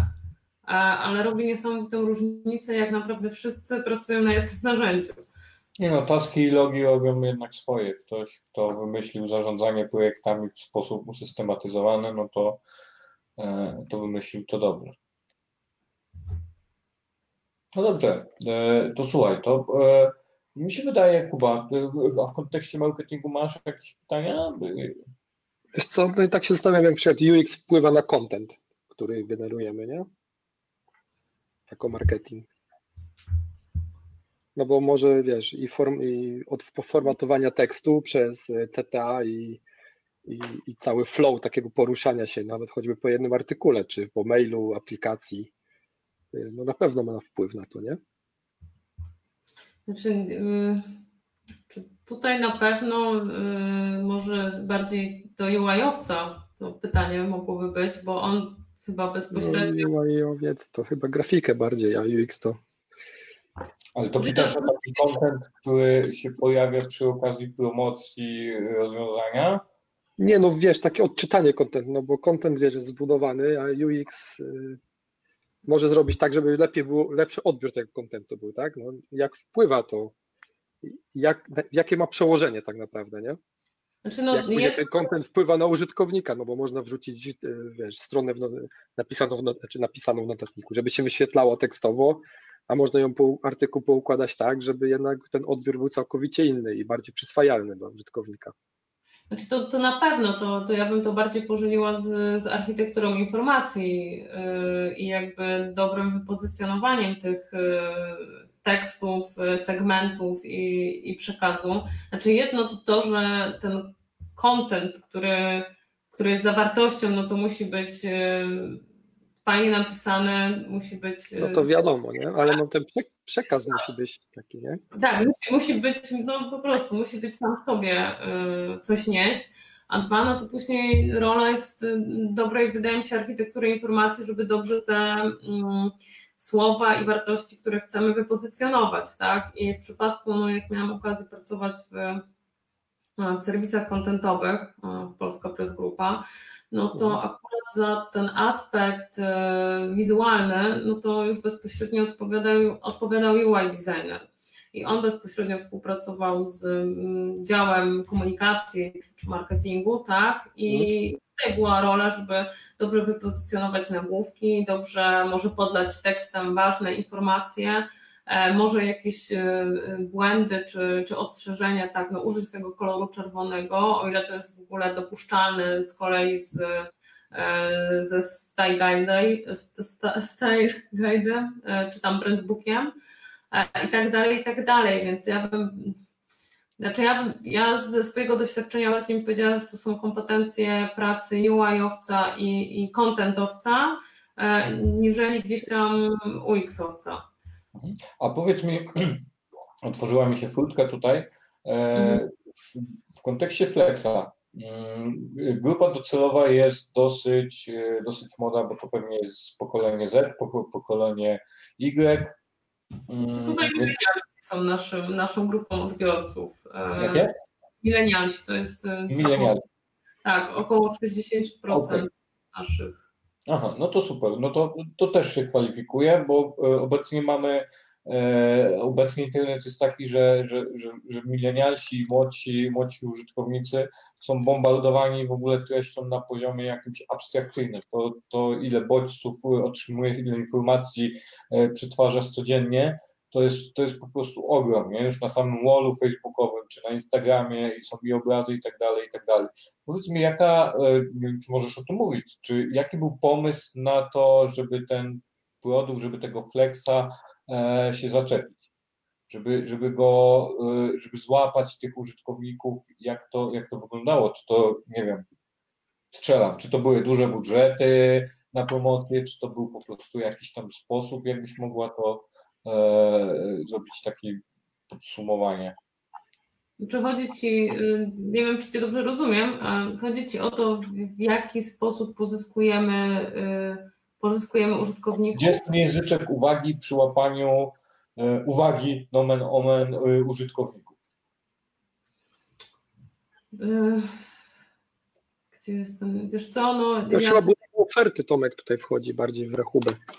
No ja tutaj też nie jestem specjalistą od, od marketingu i tutaj nie, tutaj też mam te kompetencje, mm, nie, nie chciałabym wchodzić, bo to jest bardzo fajne pytanie, ale do, do moich kolegów i koleżanek z zespołu. Natomiast no jest rozpisana cała ta st- strategia tak, e, na, na pozyskiwanie. Są to na przykład, e, być może spotkałeś też na Facebooku, e, nie wiem, reklamy flexowe, tak, bo pewnie to też mogło Ci śmignąć, jeśli byłeś w, naszej grupie odbiorców. Mm, Wszelkiego rodzaju też e, artykuły specjalistyczne, tak, e, to na pewno się pojawia. No, to jakby to już nie jest do końca mój obszar kompetencji, tak? Więc nie odpowiem Ci na to pytanie tak. No, ale, e, ale jako UX-owiec jakby możesz wskazać moment konwersji, gdzie to, to jest najistotniejsze dla tego użytkownika, żeby on stał się jakby beneficjentem rzeczywistym usługi, nie? Mogę tak, mogę poprzez obserwację, monitoring, różnego rodzaju narzędzia e, coś zasugerować i coś doradzić. Możemy to oczywiście testować, no ale moje zabawki, w cudzysłowie zabawki, no to pierwsze to jest e, aplikacja i strona www, tak? bo Mhm. tutaj to obserwuję, więc na stronie www no to jesteśmy w stanie e, dosyć szybko sobie przetestować, nie wiem, czy to zmianę e, tekstów, czy to Mhm. właśnie przycisków, kolorów, więc takie um, powszechnie obowiązujące mechanizmy. Tak? Natomiast e, no, to jest jakby jeden z drobnych elementów tylko, który składa się na całą strategię, całą e, komunikację, więc e, absolutnie bym nie opierała, e, wiesz, e, łapania. No to może inaczej. To może inaczej, to może z drugiej strony. Czy mieliście takiego game changera, który, po którym się okazało, że w następnym tygodniu, nie wiem, coś, e, coś zażarło nagle ekstra i jest bach. Milion pobrań aplikacji. Ja do tego sobie życzę. I, i nam wszystkim. E, Wiesz co, no tutaj na pewno e, akcje marketingowe różnego rodzaju, które są testowane przez zespół, tak. A mieliśmy też e, ostatnio właśnie taki trial za, za 1 zł. Mieliśmy też całą akcję dedykowaną dla, dla uczniów, tak. E, To była akcja mm, 200 gigsów. E, Więc no w trakcie mm, w ogóle całej sytuacji w kraju e, też zauważyliśmy i odnotowaliśmy jakieś tam większe zużycie gigabajtów, e, zwłaszcza w kwietniu, tak? I to mocno było widać na słupkach. Mm, Więc no tutaj te- testujemy tak, różnego rodzaju różnego rodzaju akcje i to, to na pewno wiesz, jak jest akcja marketingowa, no to, to widać, że, że jest, jest ten ruch wtedy też wyższy. O, mamy pytanie. Mm, To już tutaj Mhm. czytam. Rola Taka to jest Natalia, bardzo ciekawy temat. Y, Możemy o tym porozmawiać chwilę. Dobrze, to ja sobie przeczytam na spokojnie. Ja przeczytam na głos. Patrycja, co sądzisz o stanowiskach UX UI? E, Czy według Ciebie takie łączenie ról jest, to jest oszczędność ze strony firmy, czy raczej chodzi o to, żeby osoba na stanowisku UX miała pojęcie też o UI? Mhm. A, Znaczy, A Ty, e, Patrycja, jesteś e, full stackiem, takim e, projektantowym, czy jesteś UX-em? nie, nie jestem full stackiem i nigdy jakby nie będę sobie rościć praw, żeby się tak nazywać, bo absolutnie zdecydowanie jestem bardziej UX-em i nie chciałabym jakby specjalnie nawet się rozwijać w kierunku UI, bo wiem, że, że nie byłabym w tym dobra. I, I są osoby, które robią to zdecydowanie, zdecydowanie tysiąc razy lepiej niż ja. Moje tutaj kompetencje UI-owe ograniczają się na pracy na, na bibliotece przygotowanej przez, przez UI-owca. Mm, I, I na przykład ciężko by mi było pracować na stanowisku takiego e, slash UI, bo osobiście uważam, że no nie miałabym tych kompetencji UI-owych i gdzieś by mi tutaj brakło. Co ja o tym sądzę? No, w jakby w korporacji, tak, w dużej firmie można sobie pozwolić na, na rozdzielenie tych kompetencji. Można sobie tworzyć zespoły e, UX-owe, UI-owe, można sobie tworzyć zespoły badawcze e, i każdy specjalizuje się dosyć e, wąsko. No, w małych firmach wiadomo, że jest to podyktowane pewnego rodzaju oszczędnością i, i zazwyczaj małe firmy, mniejsze firmy będą szukały po prostu full stacka, tak? Ale jedno i, jedno i drugie podejście no, ma swoje plusy i minusy, tak? No, zacznijmy od tego, że, że będąc full stackiem trzeba mieć spore pojęcie o technologii tej dostarczania frontu. Czy to jest front aplikacji, czy to jest front.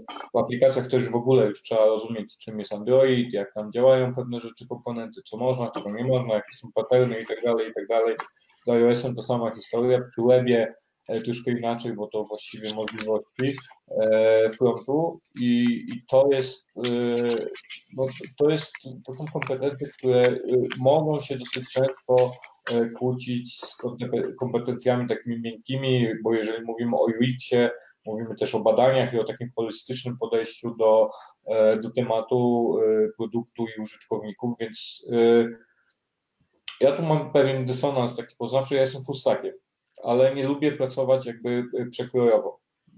Wolę zrobić, nie wiem, jeżeli jestem po stronie walidacji biznesu i, i, i budowania procesów, rysowania makiet, wolę skończyć na makietach i wolę oddać makiety świeżej osobie, która też zwaliduje to, co ja narysowałem i, to, i te procesy, które, które ja wytworzyłem. I to jakby ta higiena pracy jest dużo, dużo lepsza wtedy, nie? No, natomiast realia są takie, że rzeczywiście w Polsce szczególnie UX-owcy są sprowadzani do natury makieciarzy, czyli trzeba zrobić makiety tak, żeby się dobrze klikały. I o tym też trąbimy i mówimy. I między innymi po to jest ten nasz podcast, żeby jakby świadomość w biznesie budować w taki sposób, że jednak no, makieta to jest jakby końcowy etap pracy z, z produktem cyfrowym, a nie, a nie gdzieś tam, gdzie się zaczyna nie? pracy. E, więc jest tutaj Natalia pewien, pewien dysonans i, i... Znaczy tutaj odpowiadając też na to pytanie Natalii, yy, znaczy na pewno dobrze jest, żeby UX-owiec miał pojęcie o, o UI-u, bo tak. ja tym na co dzień się nie zajmuję, ale to nie znaczy, że nie wiem, co się w tym UI dzieje. To, to też nie jest tak, że totalnie zapominam o tym temacie, bo zdaję sobie sprawę z tego, jak nie wiem, powinien być zbudowany dobrze design system, jakie są praktyki na rynku, ale nie będę tego operacyjnie wykonywać, bo nie, jakby osobiście jarają mnie trochę inne rzeczy i uważam, że, że każdy powinien znaleźć coś, co, co go w jakiś sposób rozwija i kręci ale staram się monitorować, jakie są, jakie są trendy, co, co powinno się mieć na, na pokładzie w zespole, jakie kompetencje. I też no, mam to szczęście, że ja akurat studiowałam po części informatykę, więc zdaję sobie sprawę też z tego środowiska technologicznego. Wiem mniej więcej, jakie są ograniczenia, też zresztą cały czas na bieżąco dużo dopytuję i korzystam z wiedzy naszych specjalistów, którzy są i cały czas dociekam, tak, czemu tak, a nie inaczej, czemu się da, a czemu się nie da i tak dalej. I też, też mnie boli to, Tomek, że w Polsce właśnie UX-owcy są sprowadzani do, do makieciarzy, ja się absolutnie żadną makieciarą nie, nie czuję i, i, chcę wychodzić z, z, takiej, z takiej roli, bo e, ja na przykład e, to, co uwielbiam robić, to wszelkiego rodzaju warsztaty koncepcyjne, e, wypracowywanie wartości, w ogóle taka bieżąca współpraca z biznesem, też poszerzanie swojej wiedzy na temat właśnie aspektów marketingowych, na temat aspektów analitycznych, więc uważam, że taki UX-owiec powinien mieć, mieć bardzo holistyczne podejście e, i powinien cały czas się rozwijać i to nie tylko w tym obszarze UX-owym, ale też w całym obszarze, który jest bezpośrednio powiązany z firmą, tak? I on powinien znać osoby właśnie z działu e, obsługi klienta, powinien znać osoby i z działu IT, i, i z działu właśnie biznesowego, marketingowego i, i pytać i uczyć się jak najwięcej cały czas. Mhm. UX-owiec to jest taki bardziej specjalista, UI to jest bardziej specjalista, a UX to jest bardziej multidyscyplinarny, to jest taki temat, nie? No UX to jest taki wewnętrzny konsultant w obrębie y, różnych obszarów w organizacji. Tak?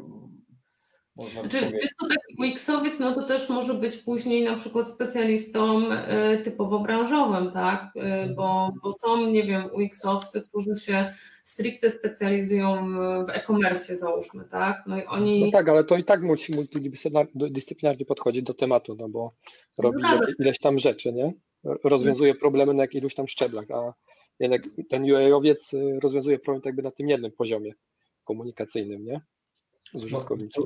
Jeszcze tylko e, dopowiem e, Natalii co do ogłoszeń o pracę, gdzie jest UI, UX, e, UI łamane przez UX, no to ja te ogłoszenia rozumiem tak, że, że masz wklepać interfejsy, a przy okazji wie, wiesz, jak nie robić byków. To oczywiście jest uproszczenie, nie? ale wiesz, jak powinien wyglądać nie wiem, działające call to action, jak, co to jest kolor interakcji i tak dalej, i tak dalej, czyli te podstawowe zasady e, UX-owe jakby jak w tym warsztacie UI-owym muszą się znaleźć. Zresztą to tak jest, że, że to jest naturalna, naturalna ścieżka dla projektantów e, graficznych, którzy się gdzieś tam opierają o UI, że oni w końcu patrzą w kierunku UX-a, nie?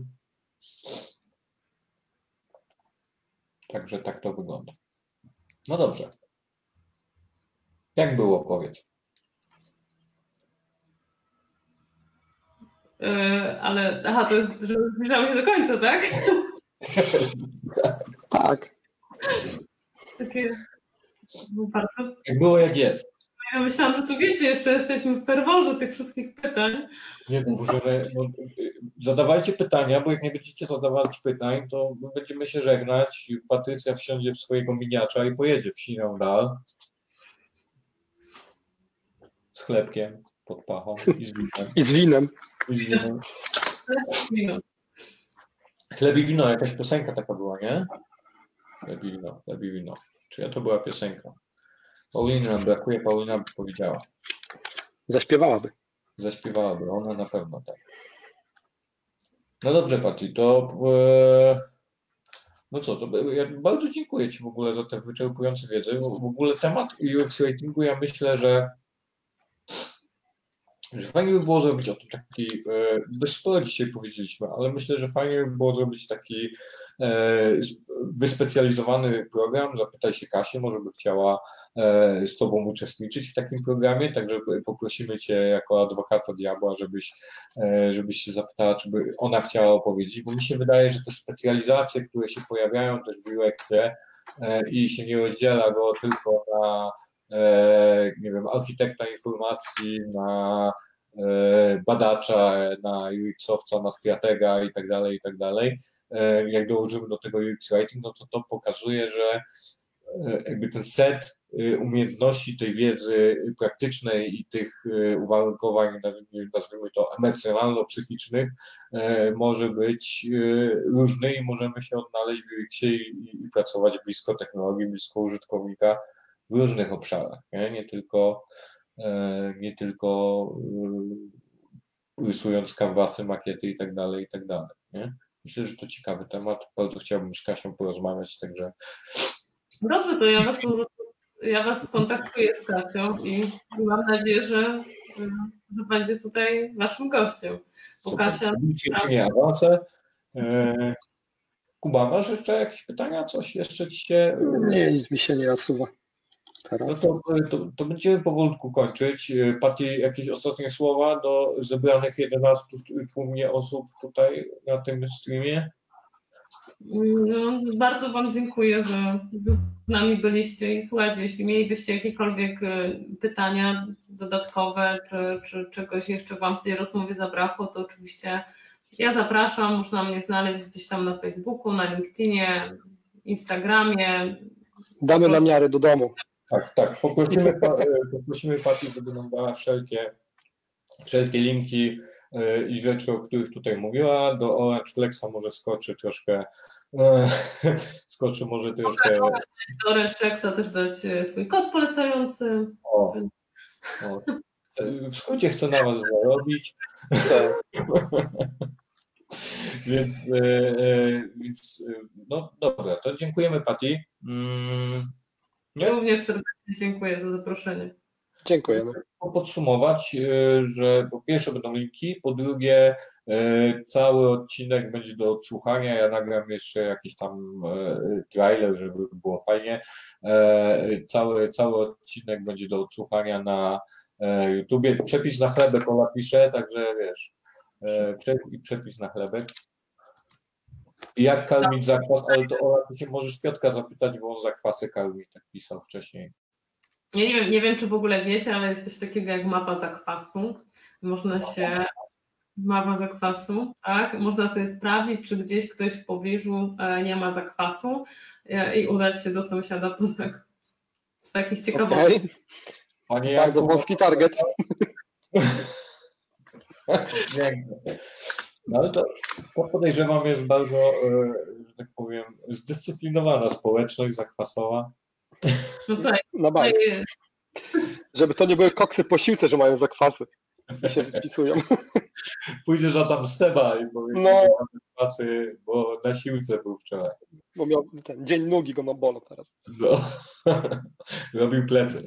Dobrze. e, Żarciki e, słuchały, e, słuchały Pati u nas są bardzo często, także mam nadzieję, że kwiatki ci nie zwiędły w domu. nie mam łapki do kwiatków. Zakwas do kwiatków. Dobrze, dziękuję, dziękuję serdecznie, dziękuję Wam, że byliście. Yy, No i co, i właściwie wszystko powiedziałem. Dziękujemy naszemu patronowi medialnemu. Ostatnio nie powiedziałem ani razu, bo zapomniałem, to dzisiaj powiedziałem ze trzy razy i nawet podaliśmy numer strony, także Ania, mam nadzieję, że zbijemy piątkę dzięki temu.